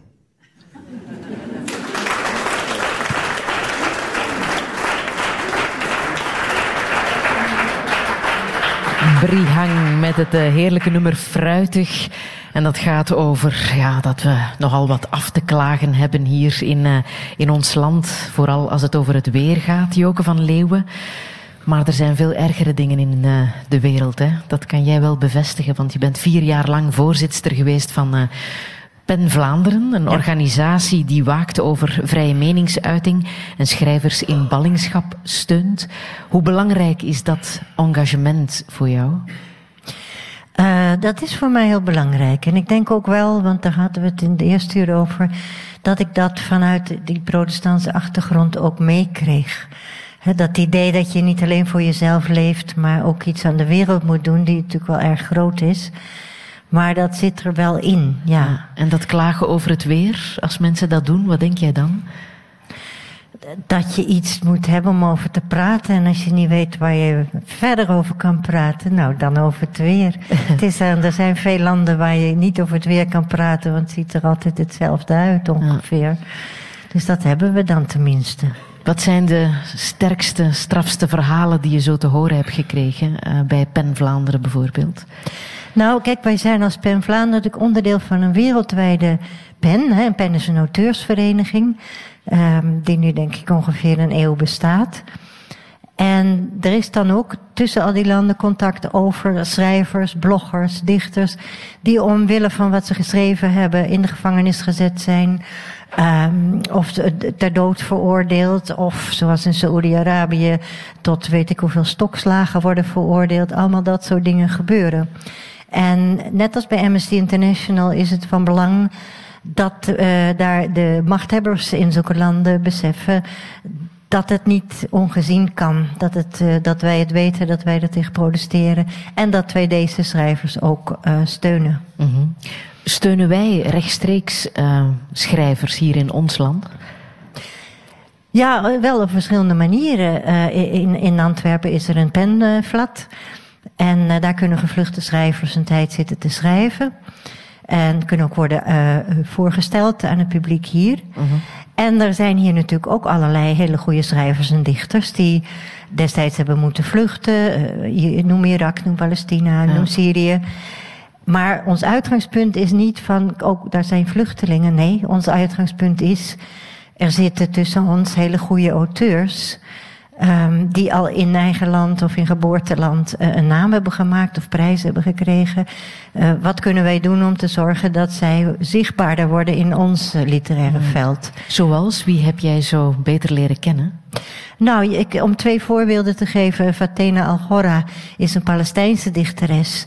Die op het ogenblik al zo uh, onderdeel is van het Vlaamse literaire leven. Ze, ze organiseert literaire salons. En dat is allemaal heel interessant om uh, te volgen en mooi. Ik denk nu ook aan Hazim Kamaledin. Uh, die al heel lang Antwerpenaar is. Maar oorspronkelijk heeft moeten vluchten uit Irak. Die geeft nu zijn boeken in het Nederlands uit bij Polis. Dus ga bij Polis kijken en je zult zeker Hazim Kamaledin vinden. En zo zijn er nog meer uh, sterke dichters en uh, schrijvers. Ja. Die wij ook onderdak hebben kunnen geven in Ja, we hebben ook van de pen zelf uh, bij de pen uitgaven gemaakt. We hebben bijvoorbeeld een uitgave gemaakt. Um, nou, nou ontschiet me de titel. Oh, het is toch wel lastig om boven de 60 te zijn. Hè? Die komt straks wel weer. Maar dat is een boek uh, de, dat is uitgegeven bij uitgeverij P. En uh, dat is eigenlijk een soort dialoog tussen deze nu in Vlaanderen of Brussel wonende schrijvers en Vlaamse schrijvers. Mm -hmm. Dus het is een, een mooi dialoogboek met, met dialooggedichten, dialoogverhalen. Mm. Want hoe luister ah, jij naar... Ik weet het weer. Ja? Aan de andere oever van het verlangen. Noteren. Aan ik zeg de het andere... nog een keer. Aan de andere oever van het verlangen. Dan vergeet ik het niet meer. Dat moet in het onthouden boekje. Ja, in aan het de andere oever van het uh, verlangen. um, hoe kijk of luister jij naar het, naar het nieuws? Uh, ik hou het nieuws bij, uh, zowel ja, aan beide kanten van de grens eigenlijk. Mm -hmm. En natuurlijk het wereldnieuws. En er zijn dingen. Om een voorbeeld te geven, nu in Saudi-Arabië wordt zeer veel besproken. Vanwege die moord op, op die journalist Khashoggi. Maar we waren met PEN al bezig, want het is helemaal niet de eerste die zo behandeld wordt. Uh, we hebben acties gevoerd voor Ashraf Fayyad, dat is een dichter. Die uit, oorspronkelijk uit Palestina kwam, maar in Saudi-Arabië is opgegroeid die eerst ter dood veroordeeld was. Ja, ook omdat hij schreef. Um, daarna uh, lang in de gevangenis en stokslagen. Hetzelfde gebeurt met bloggers. En, uh, uh -huh. Dus het is een, een, een, een probleem dat al maar doorgaat. En, en, en actie voeren, uh, wat houdt dat in? Dat rugbaarheid aan geven? Rugbaarheid aan geven. We hebben, destijds was er een plan om, om een Saoedisch um, industriële iets neer te zetten daar bij de, bij de haven. Daar hebben we actie tegen gevoerd. Ja, ook met het idee van. Uh, om puur economische redenen. En wij die zoveel wapens naar Saoedi-Arabië uh, uh, exporteren. Um, steunen jullie eigenlijk een land de, waar je, ja, dat je niet steunen moet, gezien -hmm. het, het soort regime? Ja. Dit is nieuws dat jij ook op de voet volgde. In Jemen, op het Arabisch Schiereiland, vallen regelmatig burgerslachtoffers door Amerikaanse en Britse wapens die aan Saoedi-Arabië worden geleverd. Dat zegt mensenrechtenorganisatie Amnesty International. De oorlog in Jemen is drie jaar aan de gang en Amnesty heeft al 36 luchtaanvallen onderzocht, waarbij het internationaal humanitair recht hoogstwaarschijnlijk is geschonden. Touché. Joke van Leeuwen, wat raakt jou het meest in dit bericht? Nou, wat mij raakt is inderdaad de steun met al die wapens vanuit het Westen, dus ook ons land, uh, aan Saoedi-Arabië. Terwijl daar met die wapens onschuldige mensen in Jemen worden vermoord. Uh, De mhm. toegangswegen voor voedsel worden geblokkeerd en al dat soort zaken meer. Het is, het is, het is de hel op aarde voor die mensen. En dat raakt je natuurlijk altijd. Stel dat jij uh, de minister van Defensie zou kunnen spreken, onze nieuwe minister van Defensie. Wat zou jij dan zeggen? Dit? Ja. Hmm. Maar het, het, grote probleem is dat uh, economische belangen soms zo sterk zijn, zoals in dit geval, dat men vriendjes blijft met zo'n regime.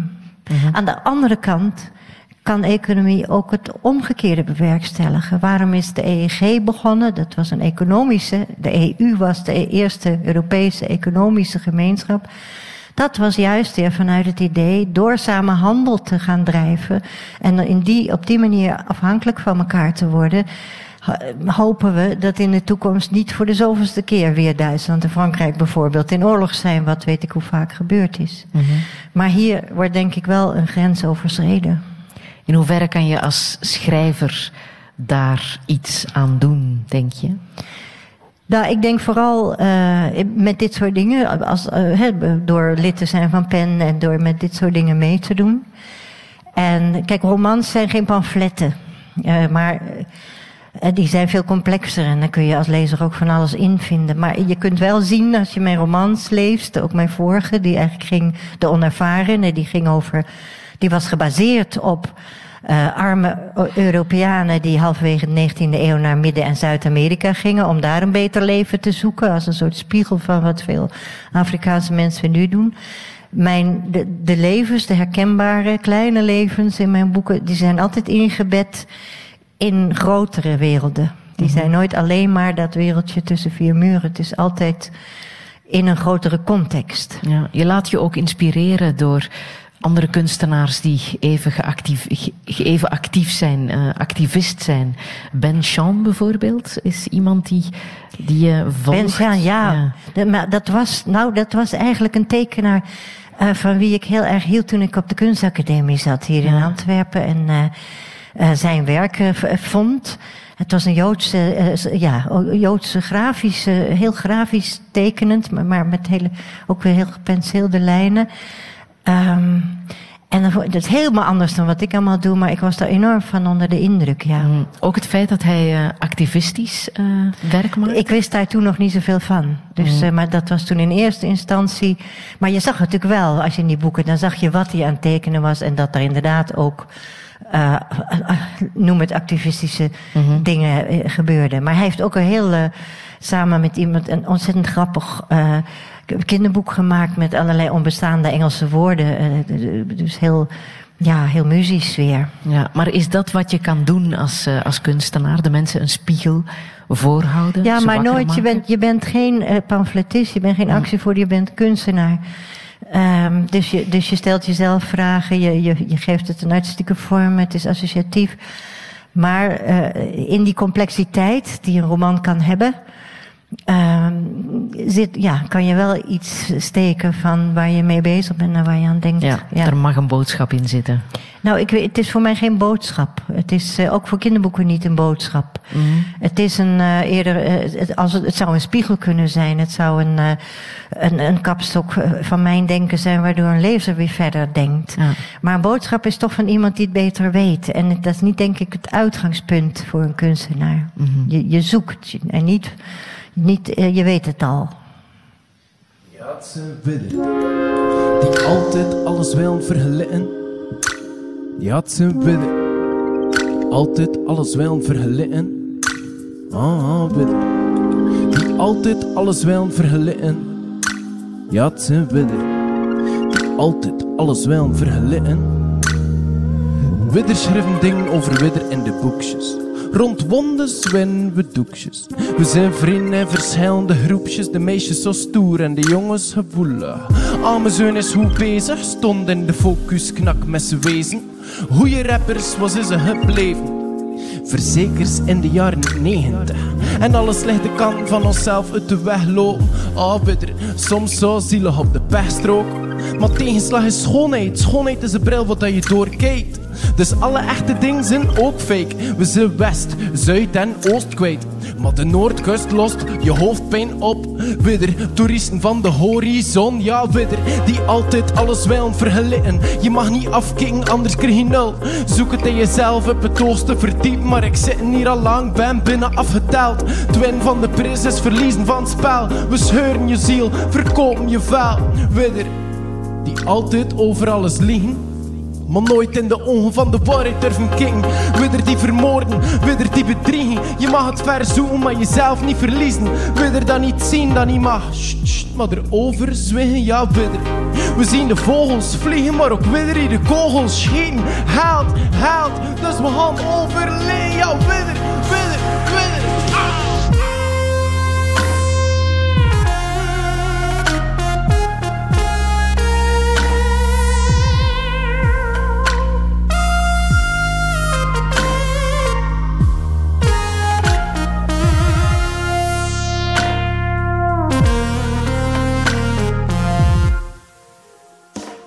Met onze blote voeten in de schandaal. En ons neus in andermans zaten, ons zwak voor reclame. Kant en klare, vandaag hebben we niet zoveel maaltijd. Widder die pensioen sparen, in de hand omdraaien en klus klaar. Widder die sowieso sterven, misschien wel te vroeg ergens in de maand mei. Ah, widder die onszelf begraven, onder de druk van de werktafel. Zeuren, zuchten en blazen, af en toe klagen, zo van ik heb nooit tijd. Widder die de helden op hand dragen door widder die niet dezelfde kansen maken. Maar hey, ik ben hier, zie je me niet staan? Dat is al de tweede keer dat je me laat gaan.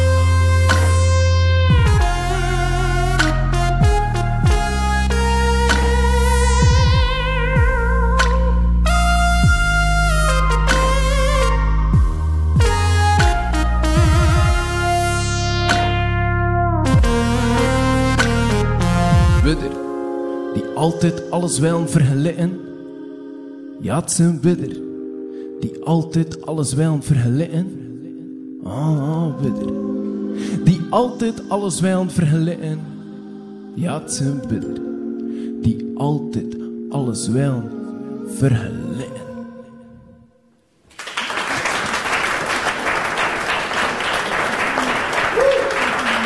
Brihang en DJ Olivier van Lijnselen met Widder. En ik vertaal even voor de niet-West-Vlaming. Wij die altijd willen vergelijken, dat is wat hij zo net zong. We vergelijken ons altijd met uh, de ander. Touché. Touché. Live van op de boekenbeurs. Live op de boekenbeurs met uh, Joke van Leeuwen en met een uh, special guest, Bart Moejaert. Goedemorgen. Uit het duister en uit het niets is hij hier het podium opgekropen, Bart. Maar daar is een goede reden voor, hè? want jij kent Joke van Leeuwen ja, vrij goed, hè, mag ik zeggen. Ik heb Joke heel goed leren kennen. Er zijn mensen waarin... Eh, ik ben in 1983 gedebuteerd. Er zijn een paar schrijvers waaraan ik me spiegelde, zonder dat die schrijvers dat wisten. Joke is er één van. um, ik had de slechte gewoonte, ga, slechte gewoonte, van mij terug te trekken en verlegen te worden en stil te worden als ik met collega's samen, waren, samen was. En vooral dan collega's waar ik naar opkeek. Joke was zo iemand. Ik denk dat ik nooit iets langer dan een zin heb uh, gewisseld met Joke, gewoon omdat ik niet durfde. Uh, en toen kwam Luc Korevits van Behouden Begeerte. Die had het schitterende idee om Joke en mij samen op te voeren bij geletterde mensen. En zijn idee was subliem, want Joke en ik deelden het idee dat kinderboeken ook literatuur zijn. En geletterde mensen was altijd literatuur, mooie koppels, allemaal niks mis mee. Maar wij mochten het ook gaan doen na Mark de Bel en Jan de Smet. Uh, dus onze eerste echte kennismaking naar mijn gevoel was uh, uh, van mijn kant uit Schuchter. In Leuven, weet ik nog. We zouden een eerste foto maken voor de affiche en dan pas het programma samenstellen. Wat eigenlijk uh, totaal onlogisch is, maar het wel goed voelde. Maar door die eerste stap en door die eerste repetities ben ik, uh, heb ik de durf aangelegd om, om eigenlijk met Joke te kunnen zitten zwijgen en eigenlijk ook veel te zitten praten. Uh, door de voorstelling, dit eerste seizoen was twintig keer, wat eigenlijk wel behoorlijk heftig veel, is, behoorlijk ja. is. Maar wat Joke niet weet, is dat ik zoveel geleerd heb op dat moment. Ik moest naast Joke kunnen staan. En Joke heeft ervaring als cabaretier, maar ook, maar ook tenminste voor een publiek staan en er tekst te brengen. Ik had die ervaring ook wel een beetje, maar, maar lang niet zo, zo sterk. Dus man, man, man, ik heb gezweet. Het was wel ongelooflijk genieten. Joke, wat voor beeld had jij van Bart toen je hem voor het eerst zag? Wat wist je over hem? Dat het een jonge goede schrijver was. Maar toen ik hem bezig zag, al heel snel, zag ik, oh ja, die heeft het, die heeft het voor op een podium. En ik wil één anekdote vertellen, omdat je daarmee ziet dat hij het heeft. Uh, we stonden dus op het podium, Bart en ik, en ook pianiste Carolien Deukman. Dat was dus een, ik weet niet meer welk programma, maar het was een programma met drie. En uh, toen ging er wat mis met mijn, uh, mijn, mijn micro. Er was wat mis, dus ik moest eventjes achter de coulissen. En Carolien die zag dat en begon meteen piano te spelen. En Bart zag dat en begon meteen een dansje te doen. Een geheel, een geheel geïmproviseerd Bartachtig dansje. Eh, waar die zaal ook erg om moest lachen. En de hele rest van de avond was er zo'n goed contact tussen de zaal en ons. Die, die wisten dat wij daar stonden dus voor ons plezier en niet met zenuwen. en dat heb ik nooit vergeten, dat dansje van jou. Ja, nu ben ik heel nieuwsgierig, Bart, naar dat dansje. Het is radio, hè? Het is radio, maar Brihang heeft daarnet ook heel mooi gedanst bij zijn nummers. Misschien kunnen we het straks nog wel even. Weet dat er nog een stukje podium over is, daar kan alles. Maar jullie zijn twee, ja, topschrijvers uh, als het over jeugdliteratuur gaat. En toch, die jeugdliteratuur krijgt nog altijd niet de aandacht en uh, de waarde die ze verdient, denk ik, hè, Bart? De aandacht sowieso, maar ik denk dat het algemeen geldt. Dat literatuur, uh, dat we moeten blijven verdedigen, dat er plek is voor literatuur in het algemeen. Hoe komt dat toch? Hmm, omdat we tussen karton zitten, omdat we wakker gemaakt moeten worden omdat beeld direct naar je hersenen gaat en muziek gaat direct naar je hersenen. En letters die je leest, dan moet je meedenken, dus dat contact is al anders naar je hersenen toe. Wat dus moeilijker lijkt, maar eigenlijk gewoon spannender is. Um, ik, volgens mij is dat de drempel die mensen moeten nemen. Maar ik moet wel eraan toevoegen, Fried, dat het voor de eerste keer is, nu mijn boek verschenen is een maand geleden, dat ik voor de eerste keer meemaak dat volwassenen recensenten tegen mij zeggen wat ik normaal zou moeten zeggen. Dat kinderliteratuur enzovoort. Mm -hmm. En ik denk dat er toch een kentering aan de gang is.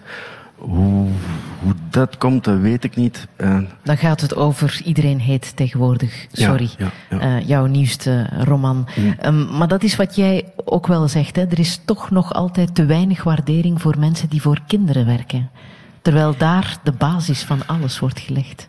Ja, ik vind wel. Uh, er is een tijd geweest dat er wel heel veel aandacht voor was. Maar ik heb toch ook wel gezien dat de, de, hele vercommercialisering in het denken ook invloed heeft gehad op uh, de, uh, ja, de hypes en al dat soort dingen in de kinderliteratuur. En ik zeg er meteen bij, want ik kan vergelijken, dat doe ik tenminste altijd dat ik vind de situatie in Vlaanderen beter dan in Nederland. Ik vind dat het in Nederland weer, zoals vaak dan te ver doorgeschoten is, te vercommercialiseerd is geraakt en dat er weinig tegenwicht is. Vergelijk alleen al, alleen al maar de kinderjury hier of in Nederland. Hier lezen kinderen allerlei soorten boeken. Er wordt ook over gediscussieerd. In Nederland is er een jury die dan heel deftig maar onnozel senaat heet. Uh, en eigenlijk is het een soort populariteitspol van series die toch al gelezen worden. Dus voor het, het zichtbaar maken van uh, kinderliteratuur die verder wil gaan en die ook, die ook literatuur wil zijn. Literatuur betekent niet dat het moeilijk is of, on, on, of mm -hmm. ontoegankelijk, maar dat er hart en ziel in zit en niet alleen commercie. Dat, uh, dat is toch moeilijker geworden, ja. Merk jij dat ook, dat de eendracht tussen België en Nederland, als het gaat over kinder- en jeugdliteratuur, dat dat nog oh. niet helemaal op één lijn zit? Er zijn schitterende tijden geweest. En oh, dat klinkt alsof vroeger was alles beter, maar zo bedoel ik het helemaal niet. Maar alsof er geen grens was en er was een... Uh, je stak de grens over zonder enig probleem en dat ging om recensies, dat ging om interviews, dat ging om aanwezig zijn in radioprogramma's of in de media algemeen. En het is alsof, uh, ja, ik moet zeggen, we, oei. Uh, dat er meer verdedigend wordt opgetreden van dit is van Nederland en we gaan nu uh, Nederlands verzorgen. En dit is van Vlaanderen en we gaan nu Vlaams verzorgen. Wat ik doodjammer vind, want ik leer van Nederlandse collega's en andersom. Of van buitenlands in het algemeen. -hmm. Als ik, uh, ik moet zeggen, ik heb afgelopen week jullie boeken gelezen en daar ontzettend van genoten. Wat een heerlijke herfstvakantie heb ik gehad. Ik heb Deesje nog eens herlezen en ik heb tegenwoordig heet iedereen Sorry gelezen. En die figuren leren kennen. En ik vroeg me af, um, Bart, uh, het gaat over Bianca. Uh, jullie hebben ongetwijfeld al die geweldige cover gezien van het, uh, van het knappe boek van Bart. Bianca, in hoeverre heeft zij de voor mij, voorbije maanden bij jou mee aan tafel gezeten? In hoeverre stond je mee met haar op? In hoeverre was zij aanwezig in jouw leven? Die was voortdurend bij mij. Het is, het is zelfs niet aan mijn tafel zitten. Het, het is in mij zitten, in mijn kop zitten, um, meeleven. Oh, dat klinkt allemaal zo slap. Uh, Wat voor iemand is Bianca? Uh, Bianca is een meisje van twaalf. Ze wordt door anderen onhandelbaar genoemd. Maar als je zo genoemd wordt door anderen, betekent dat niet dat je zelf onhandelbaar bent. Het betekent wel dat je je onhandelbaar gaat beginnen gedragen. Namelijk, je trekt je terug. Je bent communicatief niet zo ongelooflijk goed op dreef. Je zoekt een eigen plek. Waardoor je door anderen nog sterker wordt bekeken. Van zie je wel, dit kind is op de dool en we komen er niet uh, dichtbij. Um, Bianca moet zich verhouden tot haar moeder, die ondertussen alleen staat, want de vader is er een half jaar geleden, uh, voor december zeg maar, uh, van tussen getrokken met een, een jongere vrouw, weten we, op den duur. En ze moet zich verhouden tot haar broertje, die een hartafwijking heeft, jonger is dan haar, en door die hartafwijking een soort van ADHD vertoont, want dat blijkt een kenmerk te kunnen zijn. Um, en waardoor je heel, veel licht vangt. En zij moet die strijd aan van ik wil de aandacht van mijn moeder, ik wil omhelst worden, maar ik wil het eigenlijk niet, want ik ben woest op mijn moeder. Ik heb geen hekel aan mijn broertje, maar ik vind dat hij wel erg veel licht vangt. Dus die hele strijd die ze heeft, maak je mee op één dag.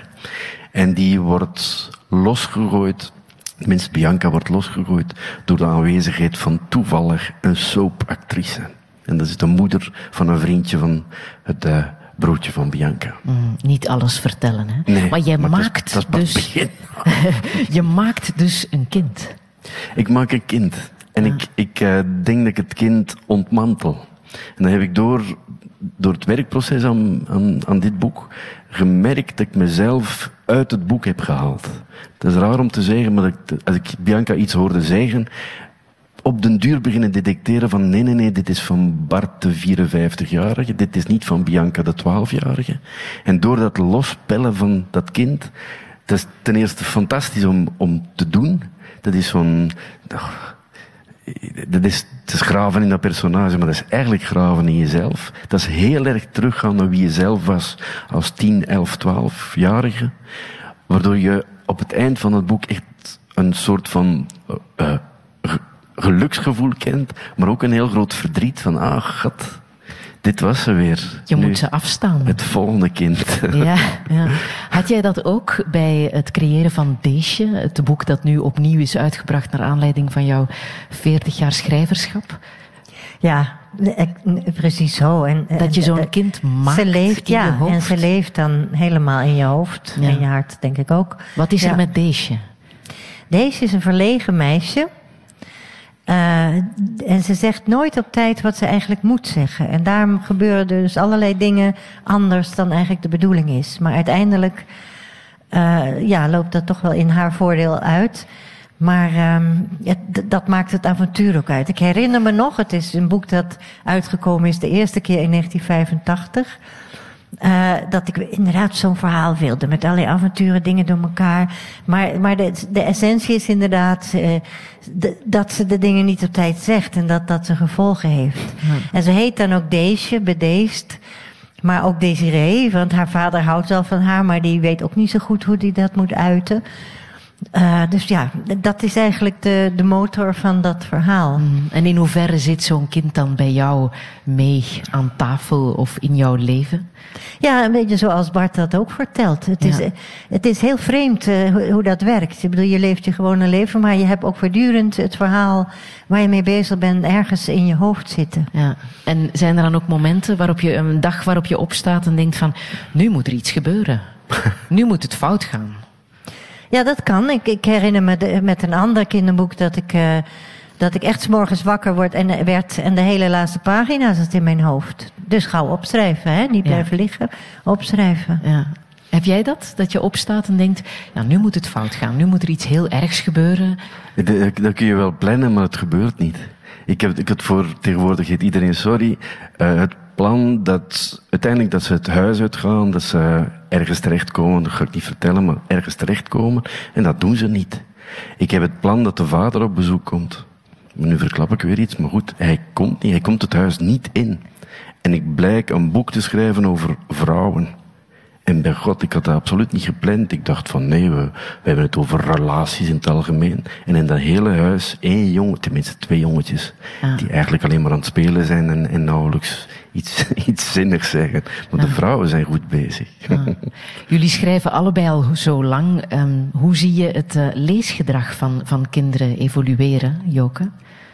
Ja, dat is meer iets voor onderzoekers, hè? Maar uh, merk je dat de kinderen die 40 jaar geleden om een handtekening vroegen, nu um, anders op jou afstappen met andere verhalen, met andere vragen? Nee, dat niet. Wat ik wel zie is. Kijk, vroeger uh, heb ik nog zitten signeren naast Annie M. G. Schmid. En ik vond het heerlijk om die rij te zien van al die mensen, vaak verschillende generaties, die een handtekening van haar wilden hebben. En nu zat ik een paar jaar geleden, en ik vrees dat dat hier op de beurs ook alweer zal gebeuren, naast een snabbelaar in een muizenpak, die nephandtekeningen uitdeelde. Uh, en toen stond daar de grootste rij. Dus dan denk je wel, uh, hallo, er is een verschil tussen nep en echt. Of het nou over nieuws gaat of over schrijvers. Er is een verschil tussen een aangeklede uh, iemand, of, of een, een, een, een of andere student in een muizenpak. of een auteur die zelf met Annie M. enzovoort iets ja, gemaakt heeft. Ja. Bart, wat zijn de verschillen die jij uh, opmerkt? Waar, waar ik aan denk, en, en ik vind dat niet onbelangrijk om dat te vertellen, als Joke bijvoorbeeld deze geschreven heeft, of Iep, wat ondertussen een klassieker is. Als ik voor mezelf spreek wat er met mij gebeurt, dat er een paar boeken klassiek is misschien veel gezegd, maar weet met valse noten, het hele eerste boek, Daar wordt doorgegeven ja. generatie ja. op generatie. En dan, ik, daar word ik gelukkig van. Ik word ongelukkig van de muis, maar ik word heel gelukkig van het feit dat moeders en vaders bewust met hun kinderen omgaan en een boek kiezen van, ik heb ervan gehouden, lees jij het nu ook. Ja.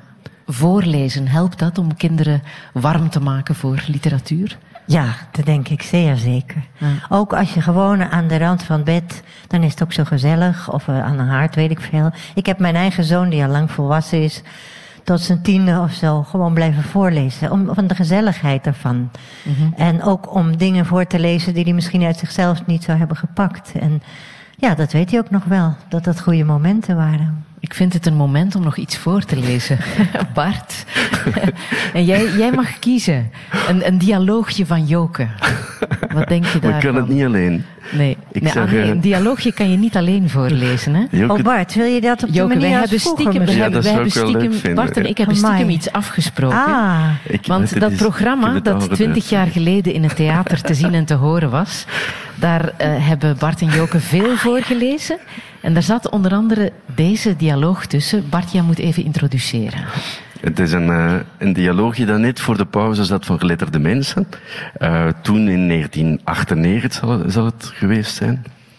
De afsluiter van het eerste deel. En uh, het zal jullie bekend zijn, Joke en eigenlijk ik ook, spelen graag met uh, wat er eigenlijk Vlaams is en wat er eigenlijk Nederlands is. En vandaar in deze dialoog, als Joke meedoet tenminste, ja, okay. die, die hier en die daar. Het zijn twee mensen, die hier en die daar. Ik ben uh, uh, die daar en Joke is die hier. Ik spaar suikerzakjes, ik heb er al duizend. Oh, nou mooi, duizend. En ik spaar postzegels. Ik heb de allermeest ver soort van postzegels en de schoonste ook.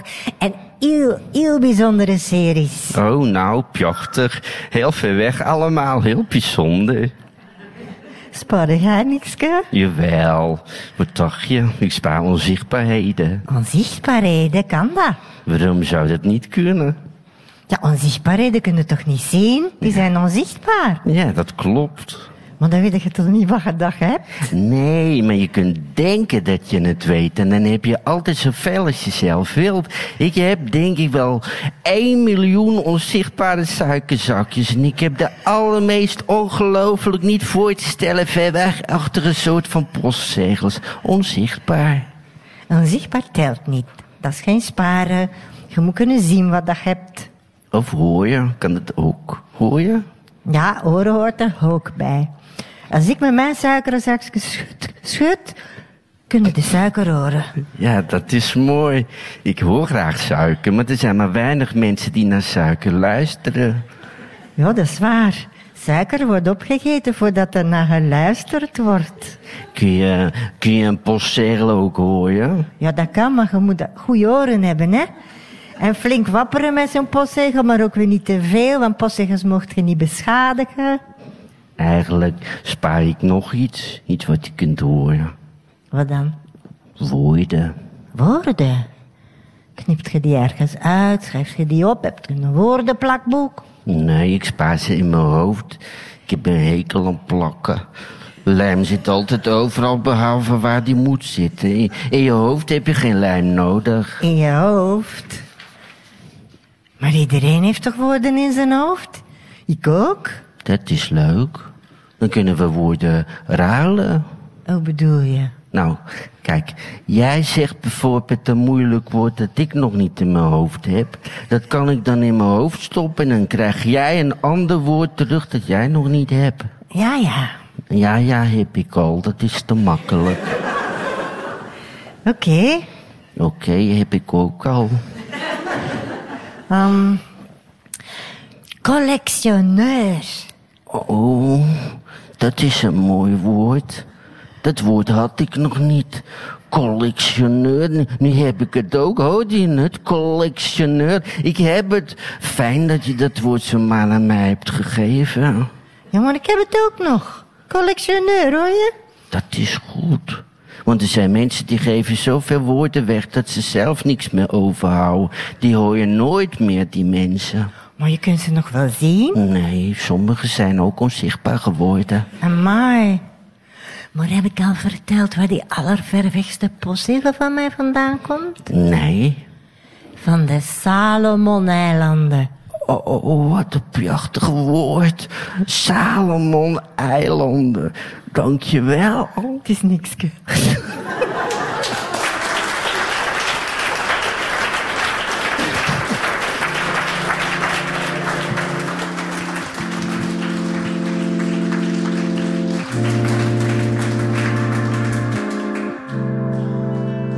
is om te houden van je.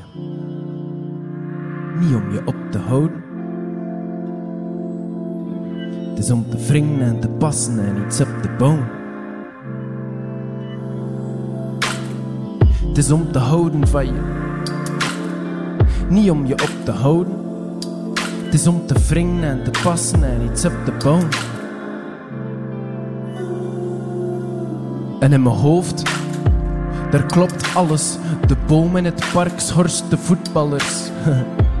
Wat is dat met die fantasie van me? Trek me recht, anders val ik op een nieuw idee. Sorry dat ik me excuseer. En toch viel die ene keer links, rechts, verkeerde been. Liefde deel je toch met twee, evenwicht relativeer. Ruzie mak je ook met twee, rechts, links, ommekeer. Ik ben niet vriendelijk, niet meer. Roep niet zo, zoek evenwicht. Doet dat boek niet zomaar dicht. Liefde dat in coma ligt. Alles dat nu overhit, doe niet alsof dat over is. Zeg niet zo dat over is, lach niet zo dat over is. Roep niet zo dat over is.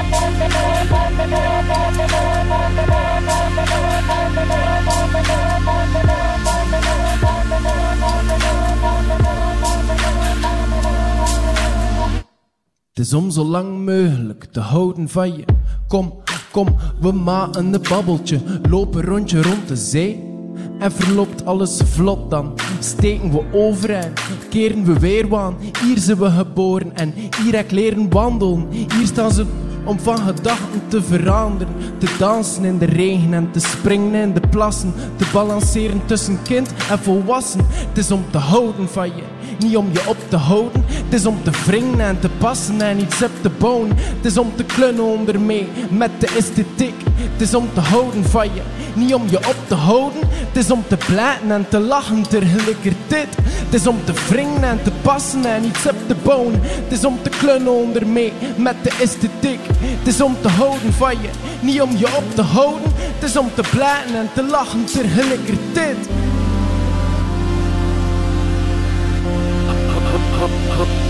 Houden van je. Het is om zo lang mogelijk te houden van je. Niet om je op te houden. Zo lang mogelijk houden van je.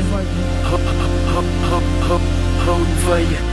Het is om zo lang mogelijk te houden van je. Niet om je op te houden. Zo lang mogelijk houden van je. Houden van je.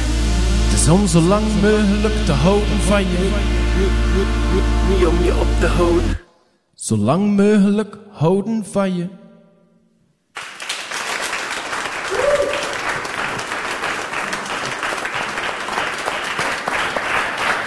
Brihang met uh, Balanceren, een liefdesliedje. En over die moeilijke zoektocht uh, naar de juiste balans binnen een uh, relatie live hier op de boekenbeurs.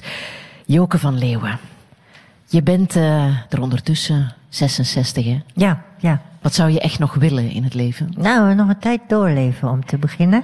En hoe zie je dat? Dat En, nog een eh, tijdje doorleven? Nou, gezond blijven en dat soort dingen. Mhm. Waar ik ook wel wat aan doe. En blijven schrijven en tekenen en optreden en vrienden zien en al dat soort mooie dingen meer. Wat doe je om gezond te blijven? Ehm, verse groenten eten. Moet, ik ga niet, er wordt geen kookprogramma. Nee. Nee.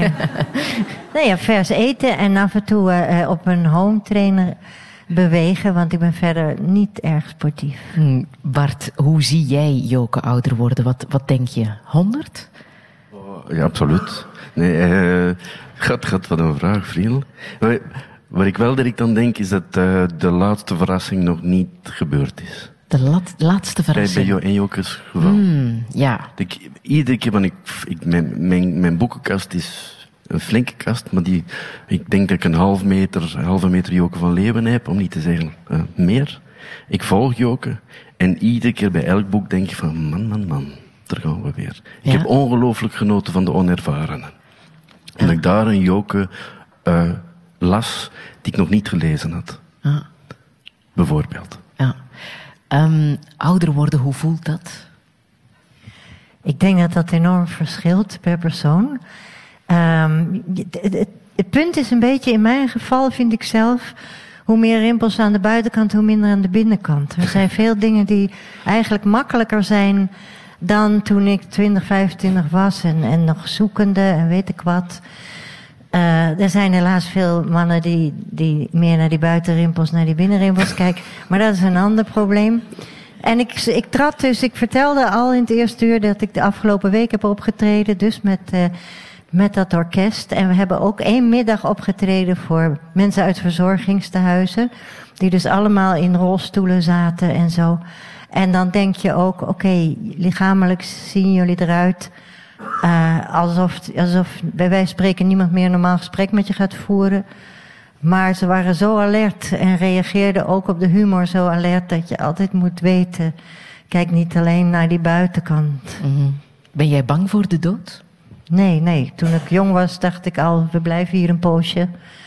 En dan gaan we weer weg. Mm. Ik, ik ben hoogstens bang voor de manier waarop, maar niet voor de dood. Hoe dicht heb je al bij de dood gestaan? Nou, ik heb al een paar keer ik heb een auto-ongeluk gehad. Ik, eh, ik ben een keer de academie ingegaan en een halve seconde daarna reed er een auto eh, tegen die deur aan waar ik net had gestaan.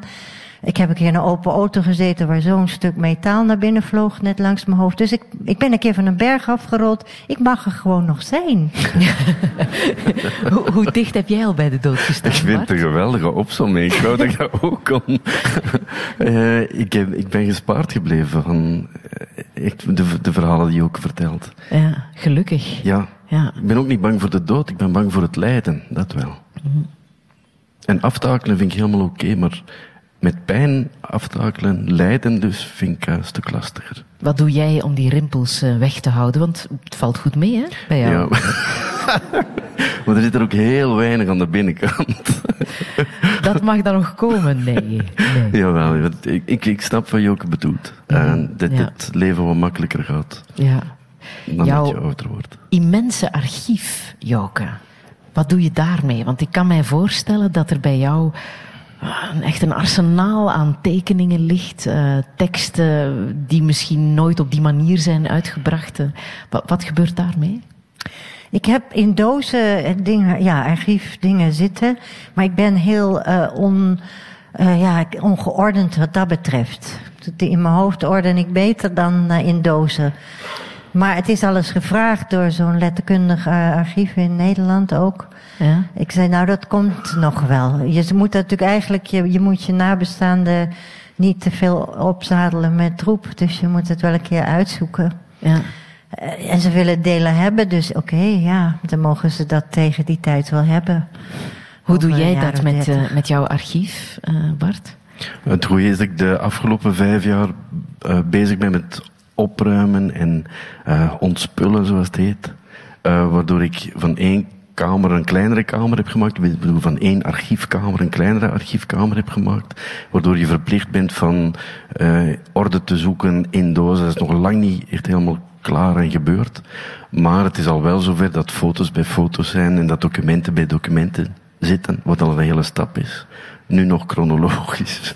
Mm. Uh, maar dat komt ook wel. Jij schrijft in uh, jouw boek Nu is uh, later vroeger over de tijdscapsulen. Hè? Dat ja, is een ja. van de onderdeeltjes die je beschrijft. waar allerlei dingen worden ingestoken in de hoop dat ze in 6339 ja, terug zullen worden dat, opengemaakt. Um, als jij je persoonlijke tijdscapsule zou mogen maken, wat zou daar zeker moeten in zitten? Um, dan zou ik toch misschien iets van mijn oudere dagboeken erin stoppen. En ook iets van wat ik gemaakt heb. Maar misschien ook wel een of andere onnozele uitvinding van nu, waarvan we nu al weten dat die over 6000 jaar, dat ze daar heel erg om kunnen lachen, dat wij dat nieuw vonden. Dat, dat is ook wel leuk om erin Ja. te stoppen. Zoals? Waaraan Nou ja, daar moet ik nog over nadenken. die zijn er ongetwijfeld. Ja, Bart, wat zou er bij jou in zitten in die? Vind, eh, ik vind het frappant dat je ook de dagboeken... Want ik, daar dacht ik ook direct aan toen je die vraag stelde. Ik heb van mijn eh, oude moeder, die 92 is... eh, twee jaar geleden een schoendoos, een schoenendoos met dagboekjes, agendatjes gekregen, waar zij notities in maakte. Die doos is nog niet open geweest en die zal op een dag waarschijnlijk open gaan, want ik wil lezen wat mijn moeder dacht en wat ze, ja, wat ze heeft beleefd. En ik dacht ook als eerste reflex aan mijn dagboek van toen ik 14, 15, 16 was, om dat mee te geven. Om aan te geven van uh, het kind was in de groei, er was van alles mee aan de hand. Uh, het belang van dat dagboek is niet groot, maar het laat wel zien wie ik was op dat moment en wie ik misschien zou worden. Ja. Erfstukken, zou je dat er nog bij stoppen? Heb jij zo familiestukken die... Ik heb weinig erfstukken in de zin van eh, zilveren eh, bestek met versierseltjes. Dat hadden mijn ouders niet. Maar mijn moeder heeft wel heel zorgvuldig ook eh, geschiedenissen bijgehouden en opgeschreven. Van haar voorgrond, van mijn vaders voorgrond. En ik heb toen mijn vader, mijn vader is al lang geleden, in 1985, overleden aan, een, aan kanker. Maar op zijn ziekbed ehm, heb ik, uh, ja, heeft hij verteld en heb ik dat opgeschreven. En eigenlijk heeft hij vooral over zijn jeugd verteld. Hij, hij heeft niet verteld over mhm. zijn professoraat, maar gewoon de kleine verhalen. Die wilde hij liefste vertellen van zijn kindertijd en hoe dat was.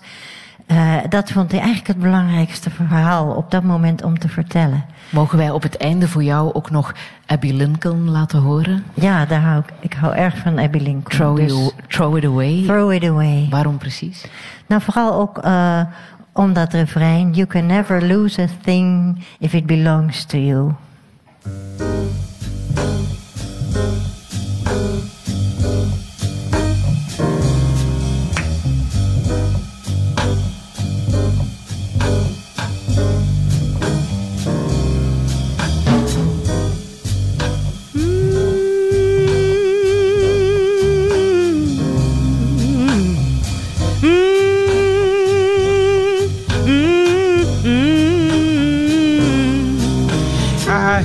About the life I live, a figure made of clay, and think about the things I lost, the things I gave away.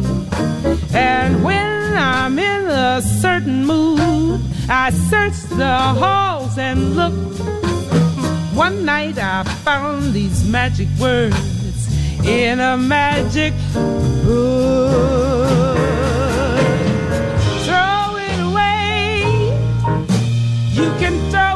Way. Give your love, live your life each and every day. And keep your hand wide open and let sun shine through. Cause you can never lose a thing if it belongs Geweldige boodschap om mee te eindigen. Throw it away van uh, Abby Lincoln. Ik wil Joke van Leeuwen hartelijk bedanken. Bart Moejaert, Brie Hang en Olivier van Lijnselen. En natuurlijk ook jullie, het trouwe Radio 1 publiek. Volgende zondag zit ik terug in de studio op 11 november met cabaretier en volksmuzikant Wim Klaes. En voor vandaag geniet nog van de boekenbeurs. Dankjewel.